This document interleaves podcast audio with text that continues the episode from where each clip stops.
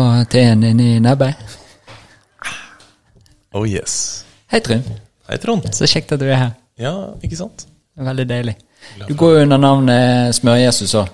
Ja, det er det de kaller meg. Ja. Er det um, Hvorfor det? Hvorfor de kaller meg Smør-Jesus? Ja. Uh, nei, det er jo på en måte jeg som har eh, presset det litt på dem til å kalle meg det, da. ja. Så det var jo et navn som jeg eh, Når jeg skulle starte min blogg, Ja. så trengte jeg liksom et navn til den bloggen. Og ja. Jeg er jo en, eh, en fyr som eh, for ja, rundt eh, fire år siden endret mitt kosthold og ble frelst av da keto-kostholden. Keto-måten å spise på, som er en, en høyfett, lavkarbo-kosthold. Eh, jeg begynte å spise mye smør. ja. Ja. Hadde smør i kaffen min, hadde smør i kakaoen min, hadde smør, masse smør på biffen min. Tok bacon, og så rulla jeg rundt smør. Og, Og sigget. og sigget. og smør overalt. Fordi når du går på et sånt kosthold, så er det viktig å få i seg nok fett. For det er der energien din kommer fra. Uh, mange av mine venner syns jo det her var uh, interessant og artig. Og er litt sånn uh, Interessant og artig som er sykt merkelig. Ja, ja, ja, ja, Ja. Både òg. Uh, jeg hadde en kompis som bare begynte å kalle meg Smør-Jesus, ja. egentlig. Uh, fordi jeg hadde også fått eh, langt hår og ligna litt på Jesus. Så det ble bare en sånn morsom ting som han begynte å kalle meg, som jeg syntes var veldig gøy. Det passer jo perfekt, Ja. syns jeg. Så når jeg skulle lage blogg, så var det bare sånn Ok, Smør-Jesus, vi tester det ut. Eh, jeg spurte litt folk sånn Ja, hva syns dere om dette navnet?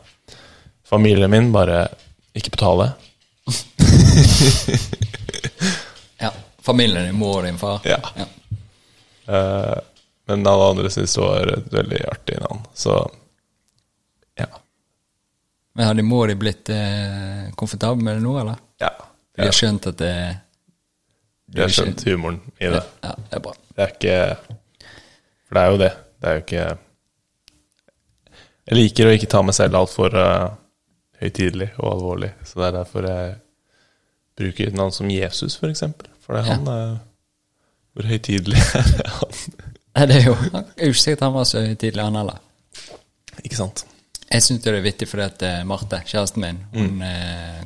kommer fra Brumunddal, og der er det visst en eller annen som fikk seg en katt. Og når de skulle bestemme navn, så ble det Jesus Kristian. ja. Jeg liker det. Men for meg er jo du også Smør-Jesus, og det var jo sånn jeg ble kjent med deg. Ja. Og det er jo ikke dødslenge siden vi ble kjent. Nei. Um, og helt fra da til nå Vi kan jo snakke om det, hvordan vi ble kjent, men helt fra da til nå så vet jo jeg veldig mye. Men alt før har jo ikke peiling. Fra når Nei. eh, Jesus ble født. Nettopp. Har du du keen på å snakke om det? Ja. Det kan vi godt. Du kommer jo fra et sted, og du kommer Ja. Mm. fra en familie, du har en mor og far som som resten av gjengen. Oh yes. Yes. Og hva har skjedd? Og hvorfor er du her i dag? Hvordan har dette gått seg til? Ikke sant? Var det et stort og åpent? Et stort og åpent spørsmål. Uh, For jeg har bare lyst For det, jeg, på et eller annet tidspunkt så eh, begynte jeg å tenke sånn Faen, hvordan var Smør-Jesus når han var liten? Eller Mm. hvordan var han for en type? Hva jeg har definert han i dag? Eller ikke noe mer voldsomt enn egentlig. Og så tenkte jeg det kan jeg spørre han om, og hvorfor ikke bare spille det inn? Og så kan andre få vite hvem du er. Okay. Hvis du er okay. keen på at de skal få vite hvem du Grave hvem ned i er. min fortid. Ja. Ja, vi kan jo prøve. ja. Uh, altså, hvem var jeg? Skal vi gå liksom helt tilbake? Nei, trenger ikke det. Bare var du han villeste kisen i klassen? Var du han rolige? Jeg var alltid Jeg var klassens klovn, Ja. på en måte. Den rollen følte jeg hadde både gjennom eh, barneskolen og ungdomsskolen. Eh, Men jeg var fortsatt en ganske Men det, altså, det er jo alle. Sjenert. Utilpass kis Ja. i hele det interessante hierarkiet man er en del av i barne- og ungdoms videregående skolen. Når man ikke kanskje helt vet hvem man er, og ja, oppfører seg på interessante måter. Ja. Um, men um, Ja. Men hva, klassens klovn, så vil Ja. det si at du lagde litt baluba i timen og ikke var helt med, eller hva var greia? Jeg, jeg var på en måte en, en klassens klovn som oss, som med et glimt i øyet. Så jeg hadde alltid lærerne også på min side, på en måte. Eller Ja, Så du balanserte på en sånn fin en, knivegg. Ja, rett og slett en sånn fin balanse hvor jeg lagde Altså selvfølgelig til tider så gikk det jo over stre visse streker. Men, eh, men jeg følte alltid, eh, alltid at det var et, hadde et godt forhold til lærerne mine, da. Ja. Um, ja, og så Hvorfor er man klassens klovn, egentlig? Er det fordi at du er en entertainer, en underholder, eller er det noe annet som foregår? Jeg tror Jeg tror jeg alltid har vært en entertainer. Det, det kjenner jeg meg i hvert fall Ja, nei, jeg vet det er vanskelig å si. ikke sant? Det er sikkert noe oppmerksomhetsbehov og sånne ting som uh, var eh, Prøvde å dekke. Men, eh, men sånn i ettertid nå, hvis man ser i ja, mine 30 år i retroperspektiv, så jo, har jeg jo utviklet meg til å bli en entertainer på mange måter. Ja. Så jeg tror den, den delen av meg spilte seg ut gjennom rollen av klassens klovn. ja. Eh, men med da et, eh, et glimt i øyet og ja. Jazz hands på slutten. ja. Og så var jeg, jeg, var en, jeg var en skoleflink gutt også, så det var sikkert derfor jeg hadde på en måte lærerne kanskje med på min side. Fordi jeg hadde gode karakterer og alt det der.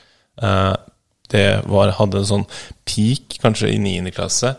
Og så var det en sånn sakte decline som begynte der når man ble sånn 15-16, hvor eh, skolen Jeg mistet mer og mer interessen for skolen, egentlig. Ja. Begynte på videregående. eh, begynte i mediekommunikasjon, som var sånn film og, det, og, og design og foto og sånn. Det ga meg egentlig bare Kreativ. Ja, jeg ønsket en litt mer kreativ sti. Alltid vært kreativ. Spilt uh, musikk, på en måte. Den slags. Men det ga meg egentlig bare en unnskyldning til å ehm, ikke drive så mye med skole, egentlig. Disse mediekommunikasjonsopplegget er veldig sånn fritt. og sånn, 'Nå skal dere drive med et prosjekt i to uker. Bare finn dere et grupperom, liksom.' Og så kan dere Det var første, første klassen som fikk laptop til, uh, Oh, shit. til uh, skolen. Så vi satt jo bare lana, egentlig. Gama. Ja. Eh, har, har, har nok mye å si med hvilket miljø man havner i òg. Jeg var jo Ja, det var den type mennesker som uh, førte til at jeg ja, ble mindre og mindre motivert av å gå på skolen. Etter slutten av videregående så var jeg helt bare lut lei av uh, skole og skolesystemet, og følte at uh, hele den derre hva nå? Hva er det jeg skal bli? Hvem er det jeg er?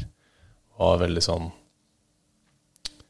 Ja, jeg hadde i hvert fall en veldig stor um, Altså ønsket ikke å begynne på et universitet. Det var liksom ingenting som hadde med skole å gjøre, som, som interesserte meg.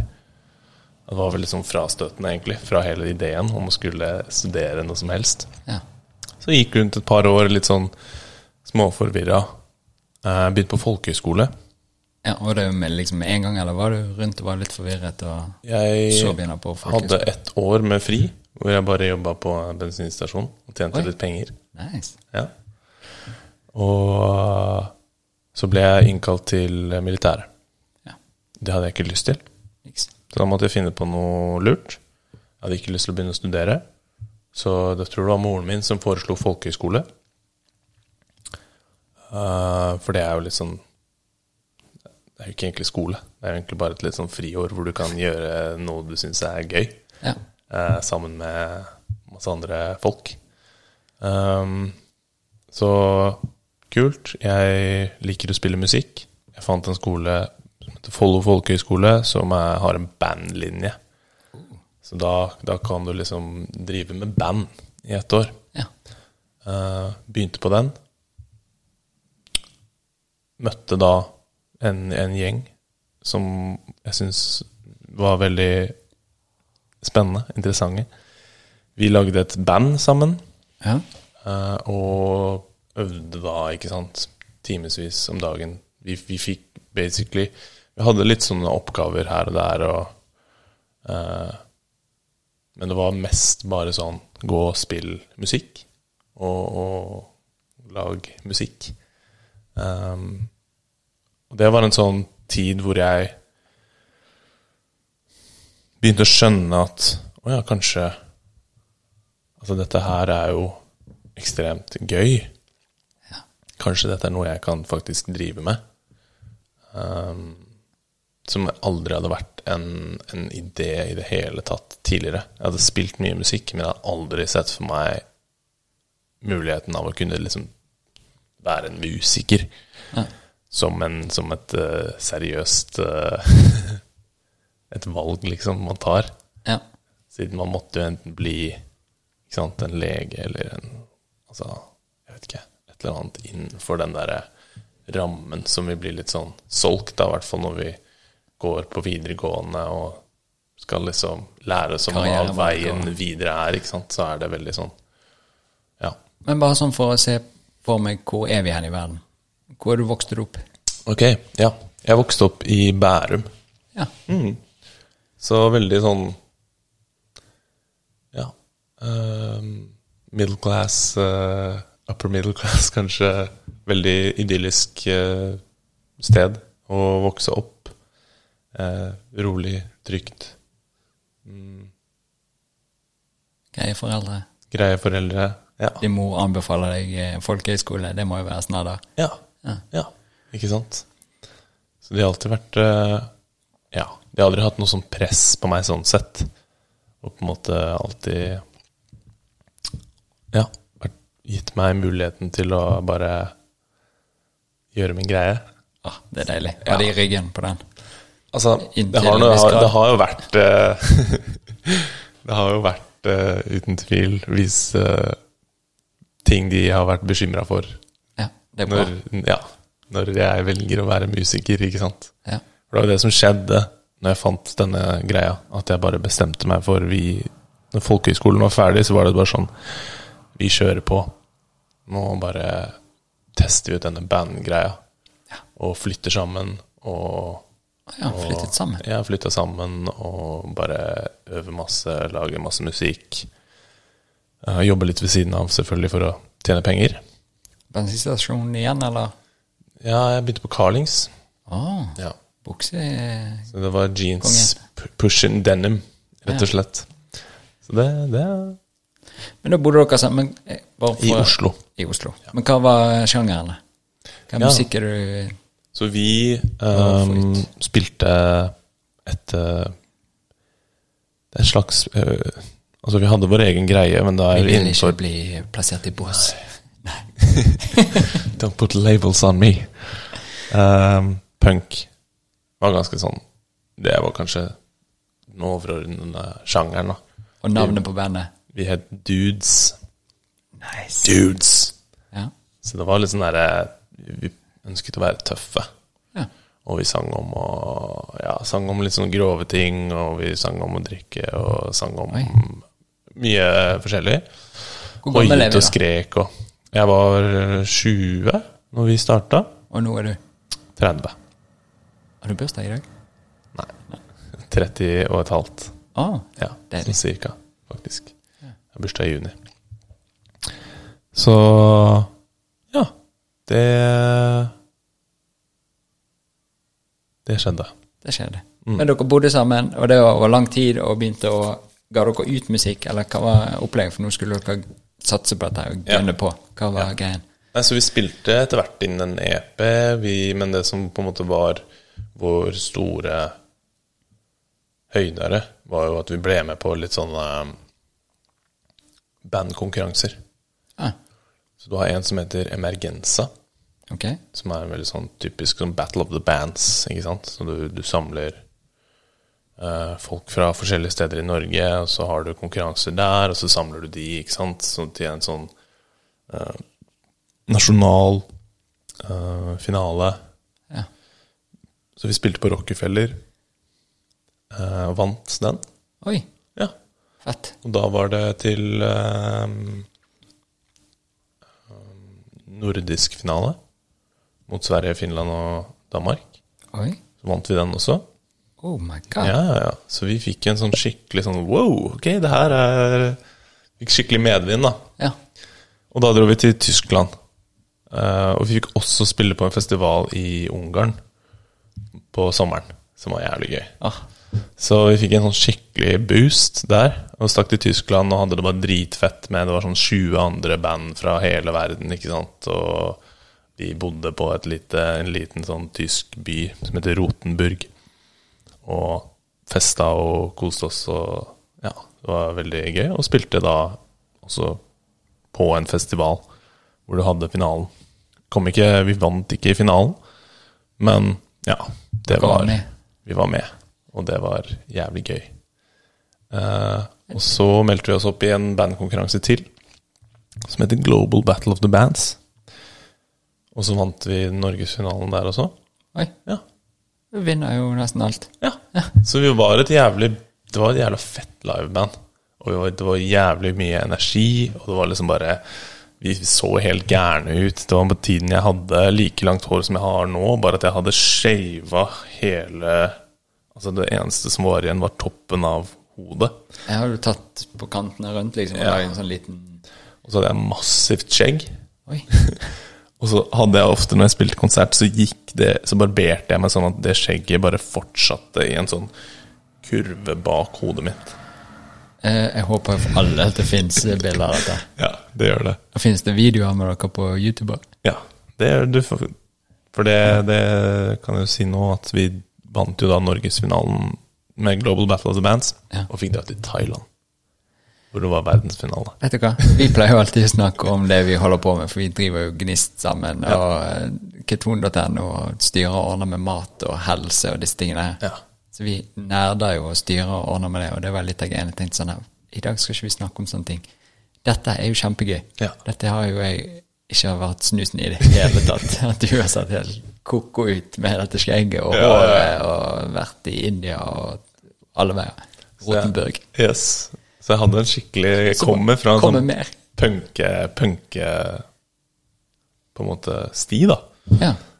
Som jeg, jeg tror har vært en, og er en stor del av personligheten min, dette med å på en måte bare, jeg vet ikke Bryte grenser og stille seg kritisk til normer og på en måte riste litt i Riste litt i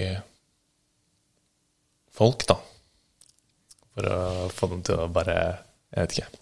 Hva var det du skulle riste? Var det for gi de beskjed at det fins flere ting der ute? Eller Ja, hva var det ristingen gikk ut på? Nei. Eller var det deilig å riste på folk? Var det deilig å riste litt i folk. For uh, poppe dem litt ut av den eh, eh, bobla som de kanskje går rundt i, Ja. og som man ikke kanskje er helt bevisst på. Uh, ja, nei, det er altså det er et godt spørsmål. Oppgjør. Det er jo liksom et sånn derre For av og til kan du riste noen, og så får du en respons. Ja. Er det responsen vi er ute etter, eller er det gøy å riste noen, eller hva er det som ligger bak? Hva er Altså, intensjonen bak dette? Du får litt mer te av mens vi Ja. snakker. Jeg tror jo til slutt så kommer vi vel frem til at uh, mye av den punke- og rockegreia mest kanskje var en, en gimmick. Ja. At jeg en, en, en romantisk idé om å være rockestjerne, da. Ja. Å være liksom punker. For jeg kommer jo Altså Og jeg skjønte til slutt at ja, vi skal være så oppgjørske og være så tøffe og være så eh, fuck the norm-greia, men så lever vi jo egentlig ganske fine liv og har ikke ikke så Altså, det er ikke liksom Sex Pistols-livene vi lever, på en måte. Um, så, vi, så vi kan Vi kan prøve å utforske mer av, av hvem vi er, da. Men det, det, det jeg, kan jeg komme tilbake til, for det, det er jo et sånt skifte som skjer, da. Hvor jeg Men ja, så vi fikk dra til Thailand. Ja, Thailand, India, sier jeg, vet du. Ja. Ja, Det er jo Syden. Chiang Mai. Ja. Og spilte verdensfinale der, med sånn 23 andre band, også liksom fra hele verden. Vi bodde jo alle sammen på liksom et sånt uh, fint uh, hotellom, eller hostellområde, og ja, dro og så på ja, løver og tigre. Oi. Som bodde inne på hotellområdet. elefanter og Jeg fikk ikke ri på elefant, men, uh, men de andre fikk gjøre det. Hvorfor det- fikk ikke skjule da? Fordi det var bare nok plass til to stykker per band. Hvor mange var dere i bandet? Ja, vi var fem. Fem stykker, da. Så det var to gitarister, en bassist, en vokalist og en trommis. Hva var du for noe? Jeg var bassist. Oi.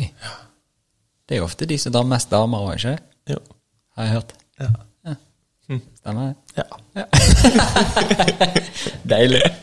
Ok, så da sto du vel litt lang i nebbet og ikke fikk ride på elefant. Ja, ikke Men du sant. fikk sett en løve og en tiger. Og vi fikk dra i en pandapark, som var Oi. kanskje noe mest deprimerende jeg har vært på.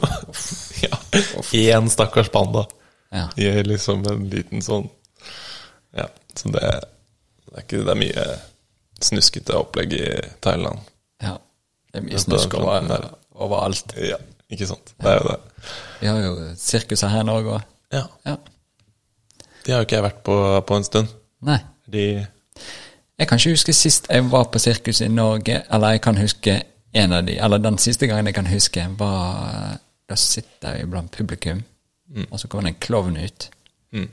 Og så kommer han bort og peker på meg, og så blir jeg dratt ut i manesjen, og så får jeg spise noe popkorn. Og når jeg spiser popkorn, så endrer stemmen min seg når jeg snakker i mikrofonen. Så jeg svarer med en sånn tull, sånn der heliumstemme. Ja. Så det ble jo helt krise midt inne i manesjen der. Der sto jeg med sånn heliumstemmer heliumstemme og måtte svare på ting og var helt uh, ute av kontroll hele opplegget. Hvor gammel var du?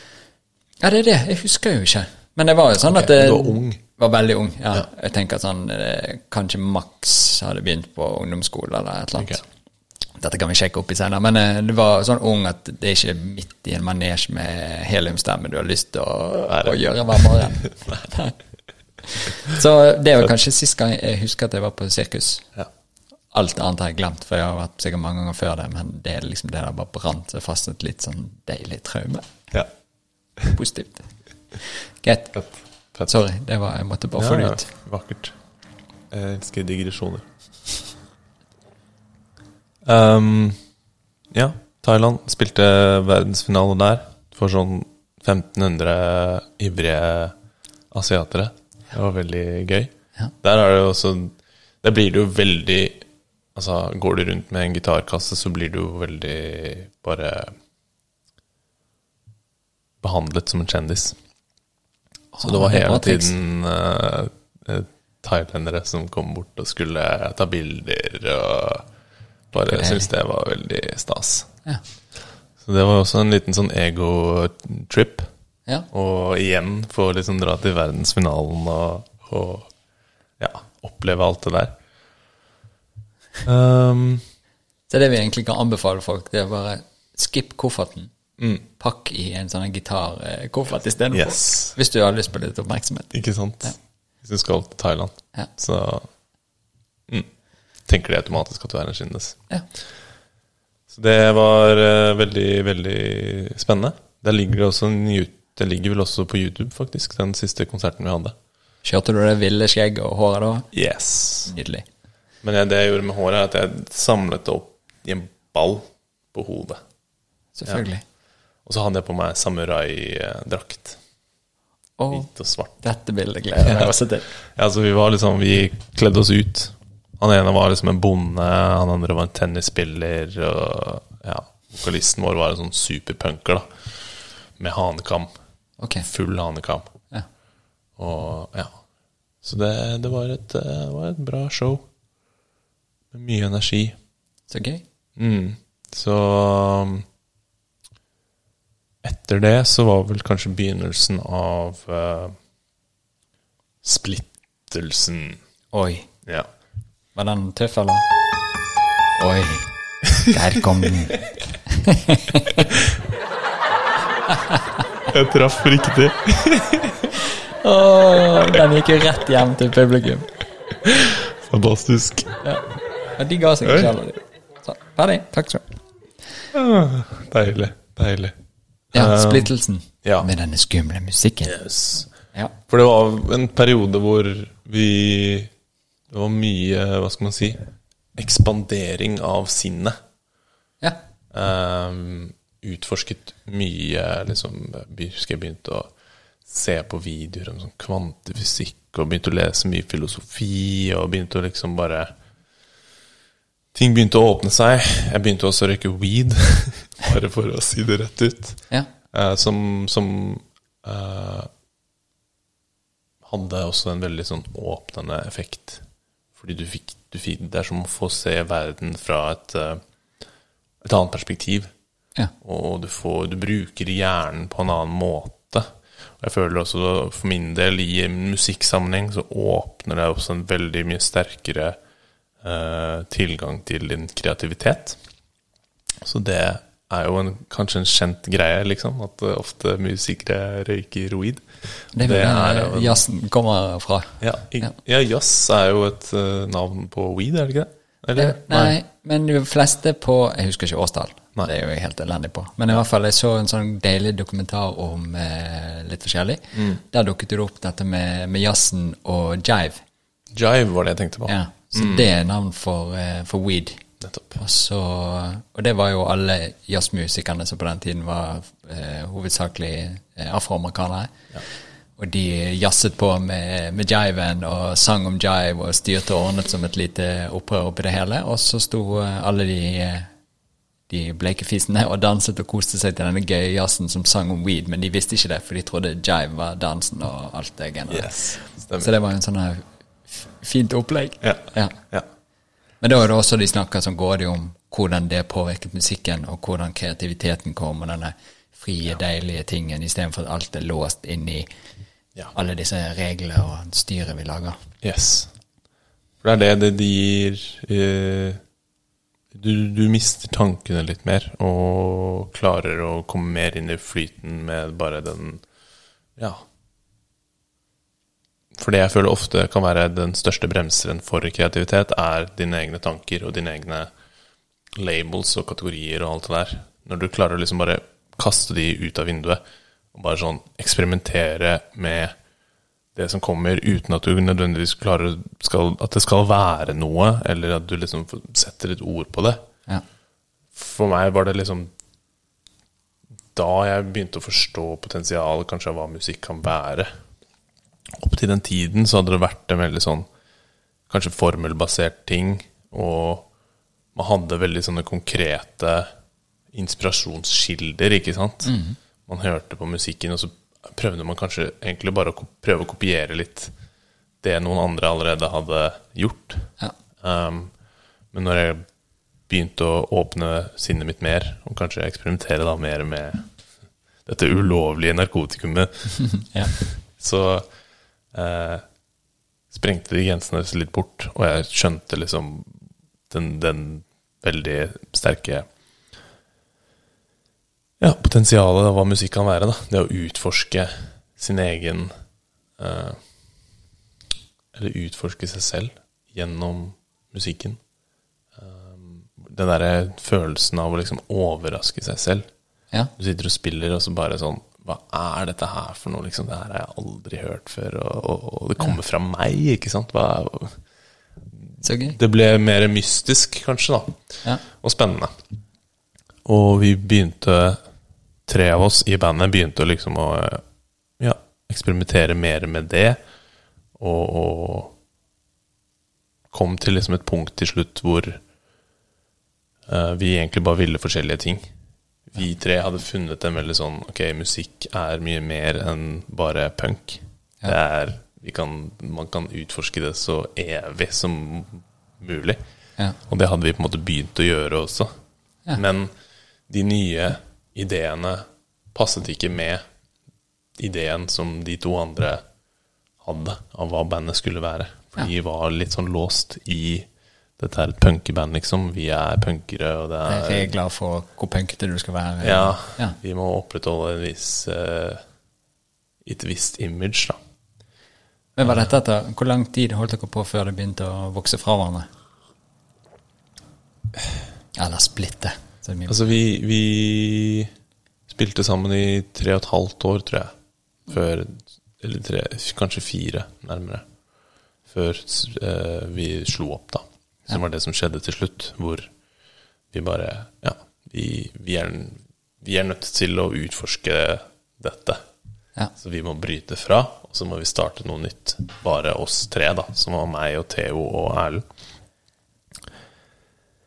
Eh, og vi Det var Det var i en tid vi hadde flyttet sammen hele bandet igjen. For liksom, en litt sånn krampetak for å prøve til å få det til å funke. ja.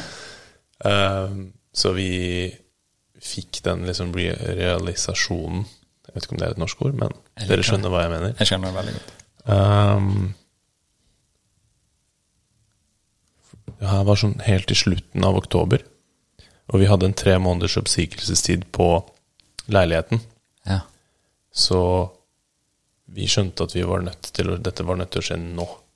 Fordi vi var nødt til å si opp leiligheten før oktober var slutt. Sånn at vi ikke er nødt til å liksom være der en ekstra måned. ja. Og så fikk Erlend, som også er fra Bergen, Oi, det var han sikkert en bra fyr. veldig flott fyr, Ja. fikk ideen om eh, Fordi han har en hytte Ja. ute på Øygarden. Oi. Vet du hvor det er? Ja. Ja. Det er utenfor Bergen. ja. Ja. Hva heter det området Sotra. der? Sotra. Nettopp. Jeg håper det. Det er litt så. Ja, det er litt, litt, er litt utenfor Sotra, tror jeg. Ja. Enda lenger mot England. Ja. For det, det her er ut mot uh, havet, i hvert fall. Yes. Yes. Det er jo Men, der Rune Rudberg fikk uh, inspirasjon til sangen sin 'Ut mot havet'. Ja, det var det. Nei. Ja. Det hadde vært Jeg har også lest det. Ja. Um, det er jo litt sånn sommersted, egentlig. Mm, men det her var i oktober, sa han bare Men vi, vi tar med alt utstyret vårt. Vi sparer opp litt penger nå, et par måneder, og så tar vi med alt utstyret vårt, og så stikker vi dit. Ja. Og så er vi der i to måneder. Yes. Yes. Som en sånn Nå finner vi oss selv på nytt Ja. og utforsker, og bare virkelig utforsker, da. Så da gjorde vi det. Vi slo opp med bandet. Det var ganske tøft. Dere tre reiser ut der? Ja. Ja. Og det var mye bitterhet og litt sånn pinlige møter i gangen og sånt i et par måneder, før vi endelig 5. januar ja. 5. januar så satte vi oss på et tog og stakk til Bergen med alt vi hadde. Og skulle være der i to måneder. Og da er jo ingen, ingen andre der på det tidspunktet av eh, året. Ja. Så det var, vi hadde jo hele stedet helt for oss selv, basically. Og, og flytta inn der med alle Kjøpte noen nye instrumenter, og trommisen hadde lyst til å bli keyboardist. Og Oi. det var liksom en tid for å bare åpne alt, da, og bare utforske det man hadde lyst til å utforske. Og så det, det var en sånn, det er et sånt valg jeg tok i livet som var veldig sånn Nå følger jeg virkelig bare min egen greie. Fordi folk var jo litt sånn Ja, skjønte ikke helt hva som, eh, hva som foregikk. Nei. Men eh, vi, det var fint å ha de to andre og liksom dele den visjonen med. Ja. For det, det, det gjorde Bryte ut fra gjengen, men samtidig ha litt eh, ryggen dekket av resten av gjengen. Ja. Ja. Så da var vi der i to måneder og bare spilte musikk. Ikke sant? Hele dagen når vi ikke spilte musikk, for du kan ikke spille musikk kontinuerlig i en hel dag. Så spilte vi videospill. Oi.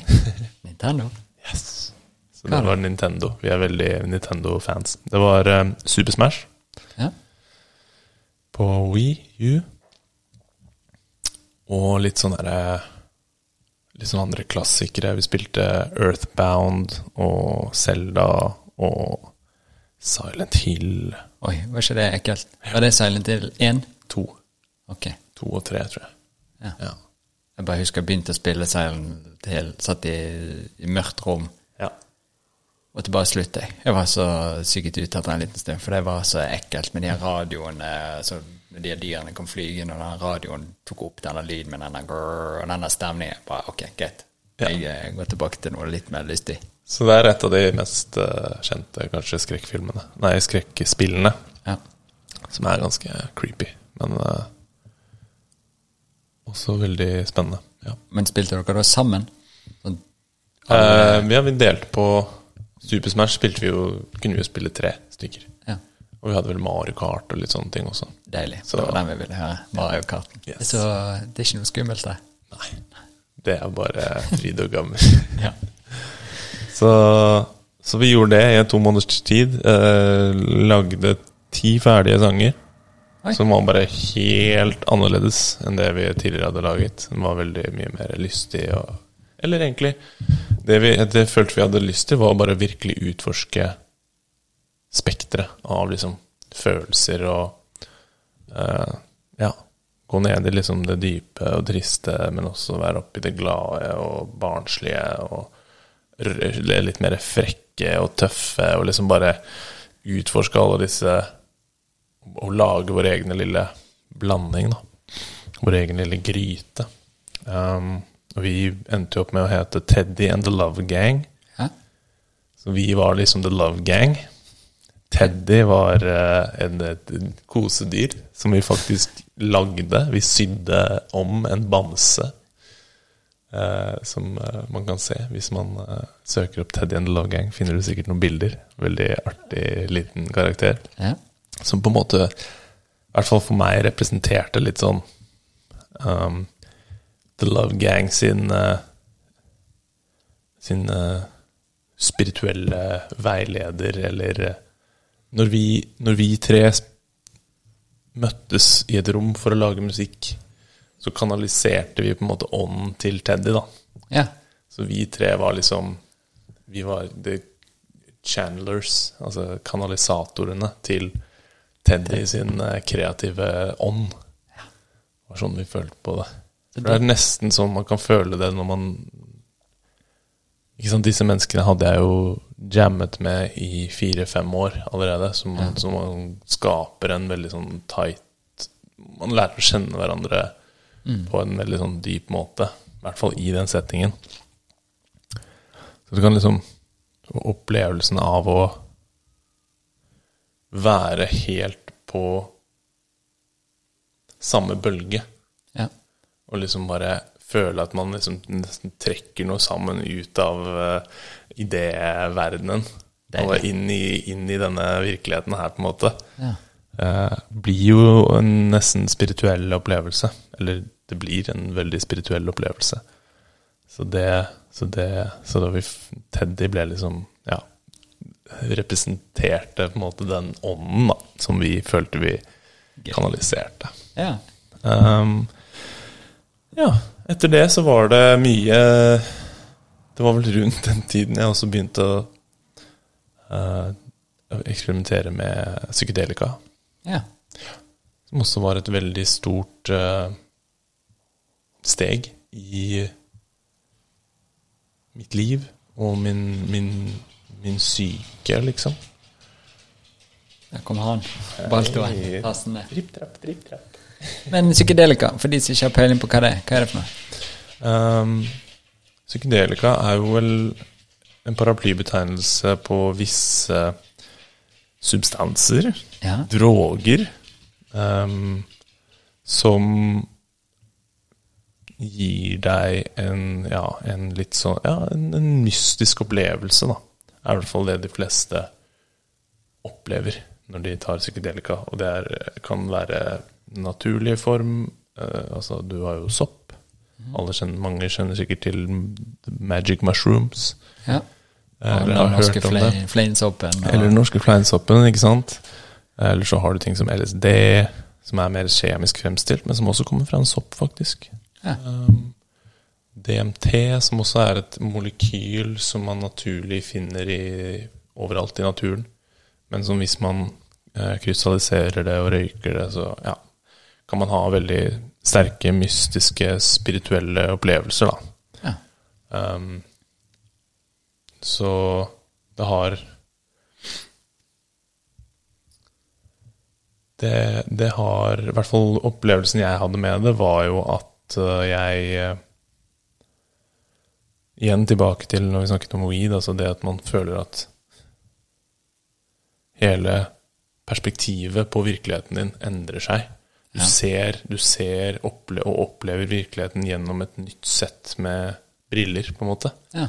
Um, eh, og det ser man jo også når man ser på sånn brain scans på av mennesker som har tatt et psykedelisk stoff, så ser du at hjernen snakker til uh, Altså deler av hjernen snakker med hverandre som det vanligvis ikke gjør, da.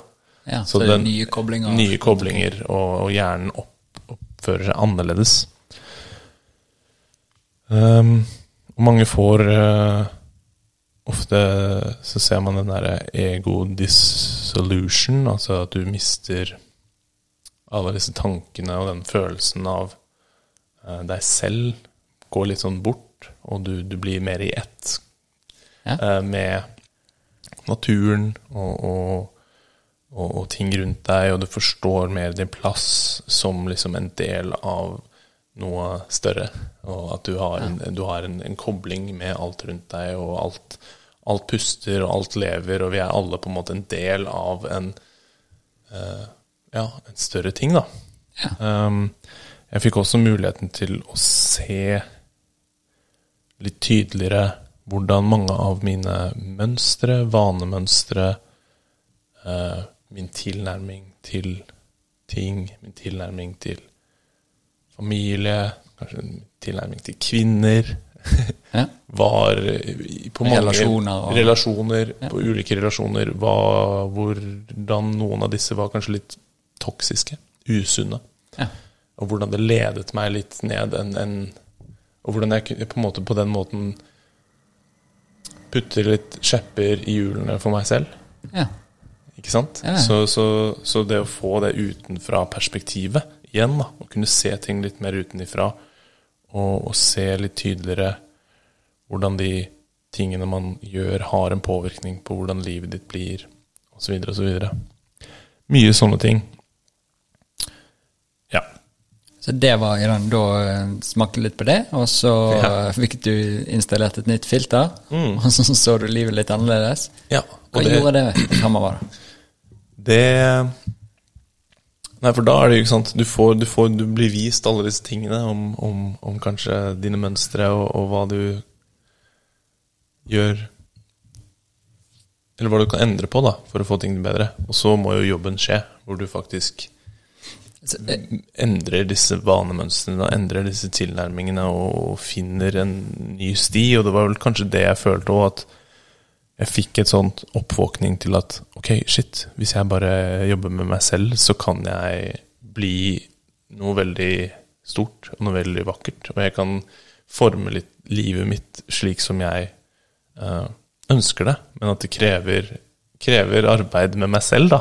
Ja. Så jeg fikk inn litt sånn oh, jeez, her er det mye å jobbe med. Ja. Men da får vi bare sette i gang. Så. Eh, ja. Så det Der vekket opp en veldig sånn lyst til å ta tak i mine kanskje mørkere sider og skyggesider. Og jobbe med ikke sant, mine traumer og jobbe med mine mine negative vanemønstre for å, for å bli et bedre menneske, og for å ultimately leve et bedre liv, da, som er det alt kommer ned til, egentlig. ja. Mm. Hva er den største en- eh, hvis går å spørre. Ja. Men den største endringen med, med, med mønster og sånne ting, eller som du først ble, ble klar over, som du hadde lyst til å, å utvikle eller endre eller gjøre bedre, eller når du først har blitt bevisst på det, hva, Mm. Ja. hva ble du bevisst på? Og det synes jeg syns er gøy, er jo at når folk blir bevisst på noe, da kan de gjøre noe med det. Hvis du Mm. bare går rundt i mønster og ikke vet at dette er et mønster, så gjør du ingenting med det, for du vet ikke at det er en greie. Nei. Nå fikk du installert nytt filter, og så fikk du eh, sett alle disse gøye tingene du egentlig holder på med. Ja. Hva var de første greiene, og hva var det Hvor begynte arbeidet? Hva var Eller hva er det som har gjort eh, mest for deg? Ikke sant? på? Det var tusen spørsmål i ett. Ja, ja, ja. Kos deg med den. Jeg tror en av de i hvert fall store tingene som jeg begynte, var jo fokus på å gjøre ting som føles meningsfullt ut. Ja. Så um, Det var på en måte For da har dere bodd ute i hytta og drevet med musikk og utviklet det og disse tingene her. Og når du da skal gjøre noe som er meningsfylt, hva betyr det? Fortsetter dere i den Ja, ja. Det, det, det, det ble jo bare en sterkere dykk, egentlig, ned i det. Og, og jobbe liksom ble en sånn Det ble en sånn uh, Du jobbet kun så mye du trengte for å bare leve, kunne leve og overleve. Uh, og, og, jeg ser jo i ettertid òg at det er jo en, en lang lekse. Det er jo en, det er masse å lære. Du er, lang, du er veldig kanskje naiv i starten. Uh, men uh, Men uh, Ja, dette med Jeg fikk en litt sånn jobb som er en vanlig 8-4-jobb, eller den slags, ble veldig sånn Ja, jeg fikk en, en sterk Igjen, nå har jeg ikke det norske ordet aversion. At jeg liksom ikke har lyst til å Jeg kjente mye sterkere på meg selv hvor, hvor, hvordan visse typer i arbeid preget meg negativt, da. Ja. Som er en blessing og en curse, kanskje. ja.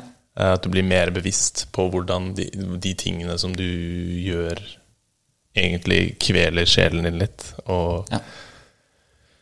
det er positivt, fordi da kan du etter hvert Og det er jo det jeg har jobbet med helt siden den tiden, er å prøve å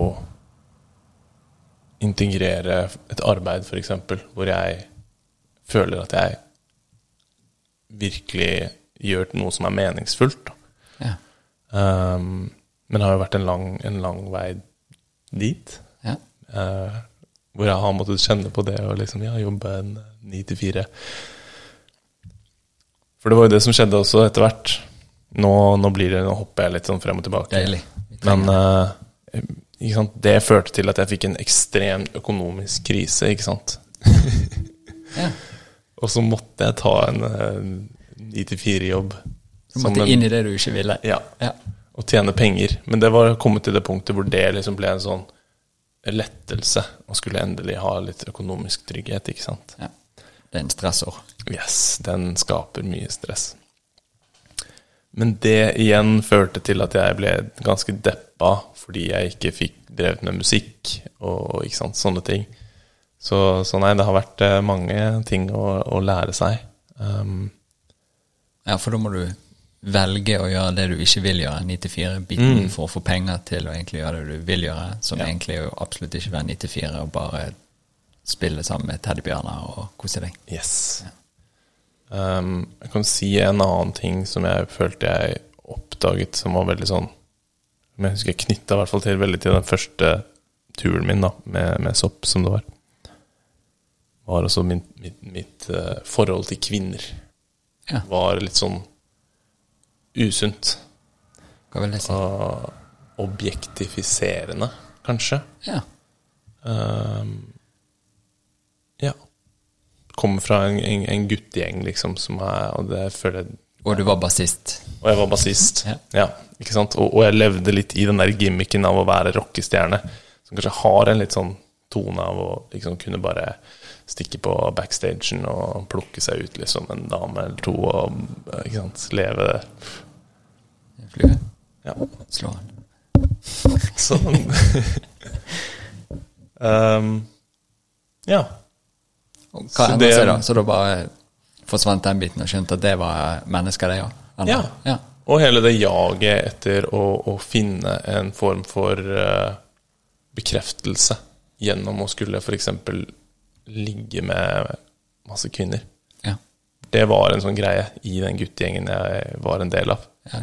Jo flere, jo bedre. Ja, ja, ja, og det er jo en veldig sånn generell, vanlig greie, føler jeg, i guttegjenger. At man, man, man Eller sånn hierarki. Man putter seg selv i et hierarki ut ifra hvor, mye- hvor bra draget man har på damer, og hvor mange digge damer man får hooket opp med. Og Ja. det er en kjempeusunn greie. ja. Som jeg bare sånn fikk et uh, uh, Ja. Fikk igjen den derre Kunne se det litt utenfra og bare wow, det her Det her er ikke så veldig Jeg fikk kanskje også en sterkere kontakt med mer min moralske sans, da. Ja. Ikke sant? At, uh, fikk en, en Det, dette er gøy for deg, men uh, er det gøy for alle i, Ikke sant? over lengre tid? Kunne se på mange av de, ja, mange av de relasjonene jeg har hatt med f.eks. kvinner, og sett på det Shit, jeg har behandla de ganske dårlig, liksom. Ja. Og det Uten ga en dårlig intensjon. Det er bare Ja. ut ifra Ut ifra de mønstrene som på en måte bare var installert i meg, og som var påvirket av vennene mine, og påvirket av kulturen min, ikke sant, alle disse tingene. Så, posisjonen din gjennom å være bandkeys Ja. som vant alle de norske konkurransene. Yes. Og, ja, og var kjendis i Thailand. Og, og helt vilt. Nettopp. Det er jo ikke rart man blir Nei. litt eh, varm i underbuksen. Nei. Men det er, men det er For det er jo Og, og den ideen da at man blir programmert, ikke sant? Ja. Underbevisst. Når man ikke er klar over at det er det som skjer. At hjernen driver og lager sånne mønstre ut ifra hvordan den, den informasjonen den får fra deg når du går rundt og interagerer med verden, ikke sant. Så, så går den bare på uh, repeat uten at du er klar over det. Ja. Så jeg fikk liksom muligheten til å bare stoppe opp og se på, se på mønstrene, og så Ok. Ja. Men uh, Ja, så litt sånne ting.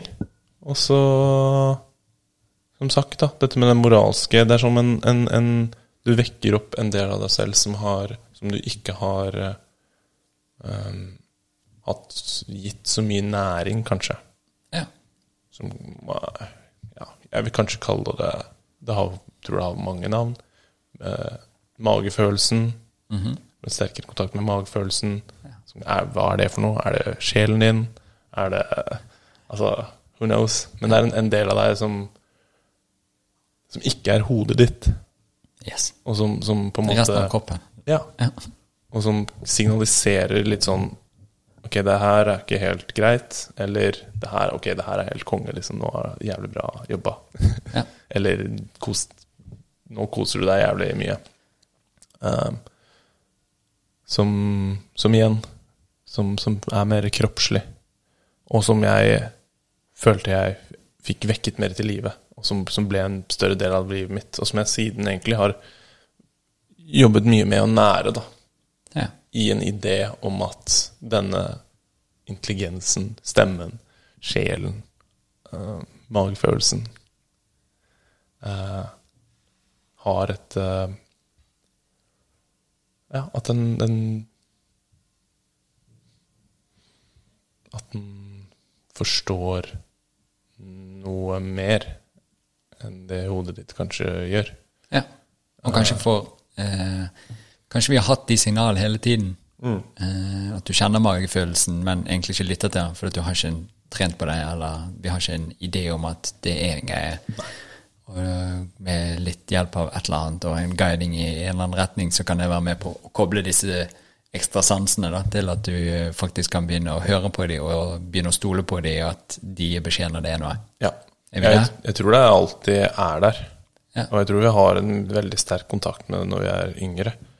Men så blir vi veldig formet, og ofte på en måte hvor, ja, hvor vi kanskje blir nødt til å gå imot denne stemmen.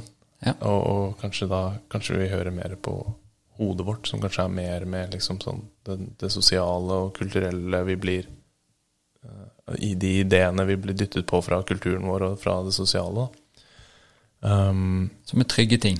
For Ja. eh, vi har laget rammer tilbake til den musikkbiten din, at eh, eh, punken er frigjørende og fin, men det er jævlig mange stramme regler for at du skal være ordentlig punker. Sånn så nei, jeg holdt på med hiphop og de tingene der. Altså, det var så fritt, men med så mye regler at du bare er helt låst. ja, Ja. ikke sant? Så, så når, Og når du da ikke Når du velger å gå imot denne stemmen, så vil den til slutt på en måte bare ikke få så høy stemme lenger, egentlig. Og gjemme seg litt bort. Det er litt sånn som jeg ser på det. ja. Det er så, fint. så med dette stoffet så fikk jeg liksom blåst litt liv i den stemmen igjen. ja. Da Ja. Som en sånn veileder, nesten. En moralsk eh, Jeg liker å kalle det den moralske sansen òg, da. ja. Eh, som en, en som er veldig interessert i Carl Jung og hans ideer. At vi har en sans som på en måte forteller oss om ting er rett eller galt. Ja. Og at det er det den, den, den snakker gjennom oss, gjennom oss Gjennom ja, den kroppslige følelsen der, da. Og det er derfor du i et samfunn kan ha regler og normer som du følger, og likevel så kan det føles feil. Ja. Den moralske biten. Yes. Det er sånn som Harry Potter. Ja. Som liksom Han, han bryter reglene, han også. Han Ja. er på en måte the hero. Ja. Men han må også bryte reglene. Fordi eh, Ja, det er ikke alltid at reglene er liksom det beste, da. Nei. Eller det gode, på en måte. Den, På å si det er det politiet gjør av og til òg, eller? Jeg skal ikke gå inn på det. Nei, jeg vet ikke hva du skulle gå inn på. Eh, ok, nå, det ble jo en liten uh... Men da har vi i hvert fall kommet til, da har du begynt å utvikle noe, og dette var jo eh, i hele denne bandbiten deres. Ja. Dere har vel blitt tre stykker, Ted igjen og, Teddy and the og gjengen. Gang. Yes. Dere har begynt å utvikle dere musikalsk. Det høres nesten ut som uh, Beatles. Ja, ja, ja. ja. At det bare begynte der, med noe helt sånn I love you, yeah, yeah, yeah. Og så endte vi på woo, Mm. Yes. en Yellow Submarine her borte. Det var eh, absolutt det. Vi, var, vi havna i The Yellow Submarine, for å si det sånn. Deilig. Men hva skjer etterpå, da, hvis vi skal fortsette med, med livet ditt, med, Mm. med uh, musikkbiten og disse tingene? Hva gjorde dere etter dette? Da bare Spilte dere vi inn noe mer, de ti ja, låtene? De, eh, de ti låtene, det var faktisk få av de vi endte opp med å spille inn sånn offisielt. Fordi da hadde vi en periode på ja, det fire år igjen hvor vi spilte sammen. Og vi lagde en EP Ja, uh, som heter Playgrounded. Den ligger på Spotify, hvis man har lyst til å høre på det. veldig lyst. Vi lagde også et eh, konseptalbum med 14 låter, uh, som vi kalte for The Tale of Kid Forest. Som er vår sånn Magnus opus, som er en, uh, en fortelling fra start til slutt om Ja. en kid, Kid Forest. Med Ok. en litt røff Starte livet med et litt røst utgangspunkt, og så blir nødt til å finne ut av eh, ja, livets spørsmål. Ja. Um, og så har vi på en måte bare spilt mye konserter og hatt det mye gøy. konkurranser, eller? Eller var det bare Vi ble Spilling, veldig sånn der konkurranse og musikk høres ikke, høres ikke sammen. For det var det vi også opplevde i hele den greia der. Som ble veldig tydelig for oss på, på den siste Global Battle of the Bands, dette med at du har tre dommere på slutten av liksom en verdenskonkurranse. Ja. Og deres subjektive meninger er det som skal avgjøre hvem som er den beste. ja. Det var bare en sånn Ja, vi Det bare Vi, vi bare flippa helt, egentlig, på hele den ja det ideen. skjønner jeg godt. Ja. Og, og også etterpå var det for vi var veldig sånn Ville ikke være med på NRK Urørt, for eksempel, fordi vi bare fikk veldig avsmak på den ideen om at musikk Man skal liksom konkurrere om å være ha den beste musikken. Mister hele poenget av hva musikk burde være, som er en, en, en veldig sånn Ja, en, ut, en utrykning av En uttrykkelse av ens indre liv, altså sitt kunstneriske selv. Hvem er det som kan komme og fortelle noen at Nei, den musikken her er ikke like bra som den musikken er, liksom. Nei. Det og hele den ideen der bare Vi klarte ikke å, å komme til terms med den, da. Og, og ja. Det er jo litt vittig. Ja. Du skal fremføre noe som er en kreativ, fin ting for deg, og så eh, er det plutselig en intensjon om at du er nødt til å levere noe som er bedre enn de andre. ja. Og så kommer du kanskje opp på scenen etter noen andre, og så må du levere noe bedre, og så blir du det der påtatte Vi skal lage enda fetere show. Ja. Vi må spille enda frekkere og finere og alt det der. Så det, ja, jeg er fullt med på den. Ja, for det blir igjen da, tror jeg du Når du har den intensjonen når du skal lage musikk, ikke sant? Ja.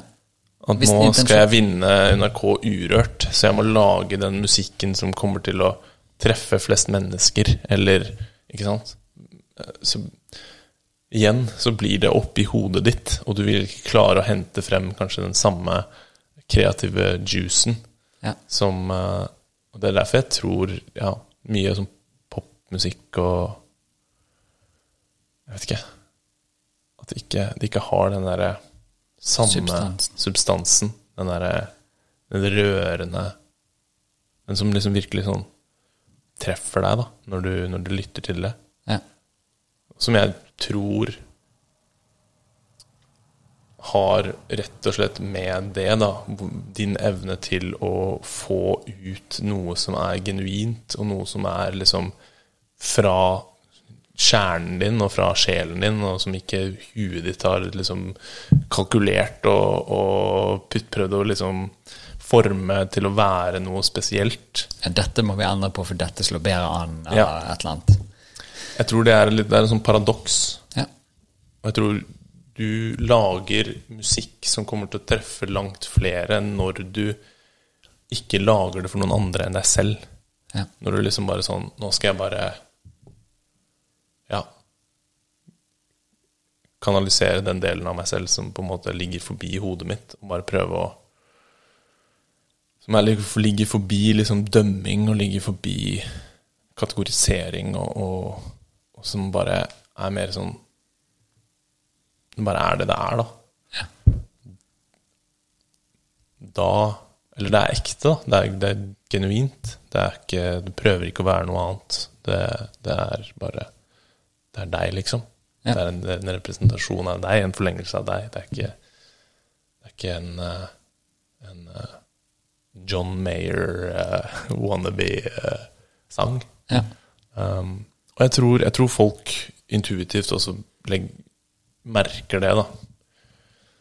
Uh, at om det er noe som man har virkelig putta sjela si i, eller om det er litt sånn Nå prøver du bare å være et eller annet her. Ja. Ja, det er vel av av og til sånn som jeg hører på musikk, så hører du Å, dette var jo fengende og gøy. Og så hører du på det, og så er det bare fengende og gøy. Ja. Eh, og så hører du på noe annet som du må grave litt lenger etter og, og finne, og så er det bare sånn at Fuck, dette vekker jo ting i meg. Eh, det er et eller annet spennende som skjer. Og det kan, tror jeg kanskje kan være hvordan det er laget, men også den der eh, fremførelsen av det. Sånn som hvis det, to stykker synger samme låt, og så er det en som er opptatt av eh, hvordan alle ser på deg når du, når du presenterer det, og hva de tenker om det, og så er det en som bare gir faen og bare åpner hjertet og synger akkurat den samme låten. Og så står du med gåsehud istedenfor at du bare hørte på Ok, men det der kunne vært en CD, det var en fengende låt. Mens den andre bare Oh my God. Her treffer du noe, noe følelsesgreier i kroppen. Ikke sant? Så det, det var liksom en sånn interessant observasjon jeg også gjorde etter å ha gått på mye konserter og hørt på mange flinke folk spille. Ja. Du, du, du går liksom Du kjenner det kanskje musikerne, og du vet at disse her er jævlig flinke, liksom. Så rent sånn teknisk, i hvert fall. ja. Men så står du der, og så Ja, som du sier, da. Ok, det fenger, men det, blir, det, blir liksom, det står, ender opp med å stå og kjede deg litt, da, selv om det er jævlig mye spennende som skjer, og selv, selv om de er jævlig flinke.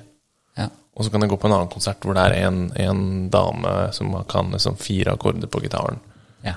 og som bare synger, og bare Du, du blir helt mesmerized, da. ja. Um, så ja. Det var jo et band for eh, en stund siden som kom fra Bergen. Og uten å tråkke på noen tær, og jeg sier ikke navnet på de heller, men i hvert fall, de eh, bare dannet et band. Ingen var egentlig noe spesielt flink å, å spille noen instrumenter. Tekstene var ekte, alt det der var greia, Og så bare klikket det for folk i Norge når de hørte det. For det Ja. var fuck. Rocken er, tilbake. Ja.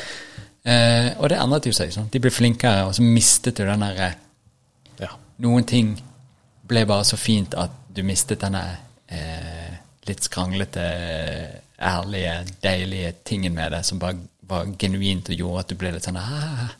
Så var det fortsatt eh, samme lydbilde, på en måte, med, med, med det samme teksten og alt det, men det, ting ble litt for Det ble polert, på en Ja. måte, fordi man blir for flink. Yes.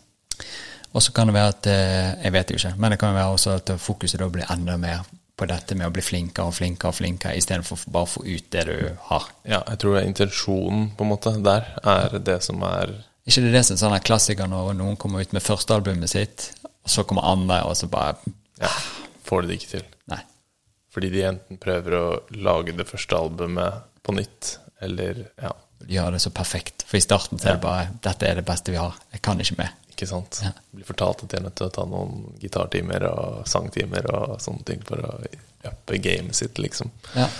Men så skjønner man ikke at det er, det er ikke det som ikke det som vekker de følelsene i folk, da.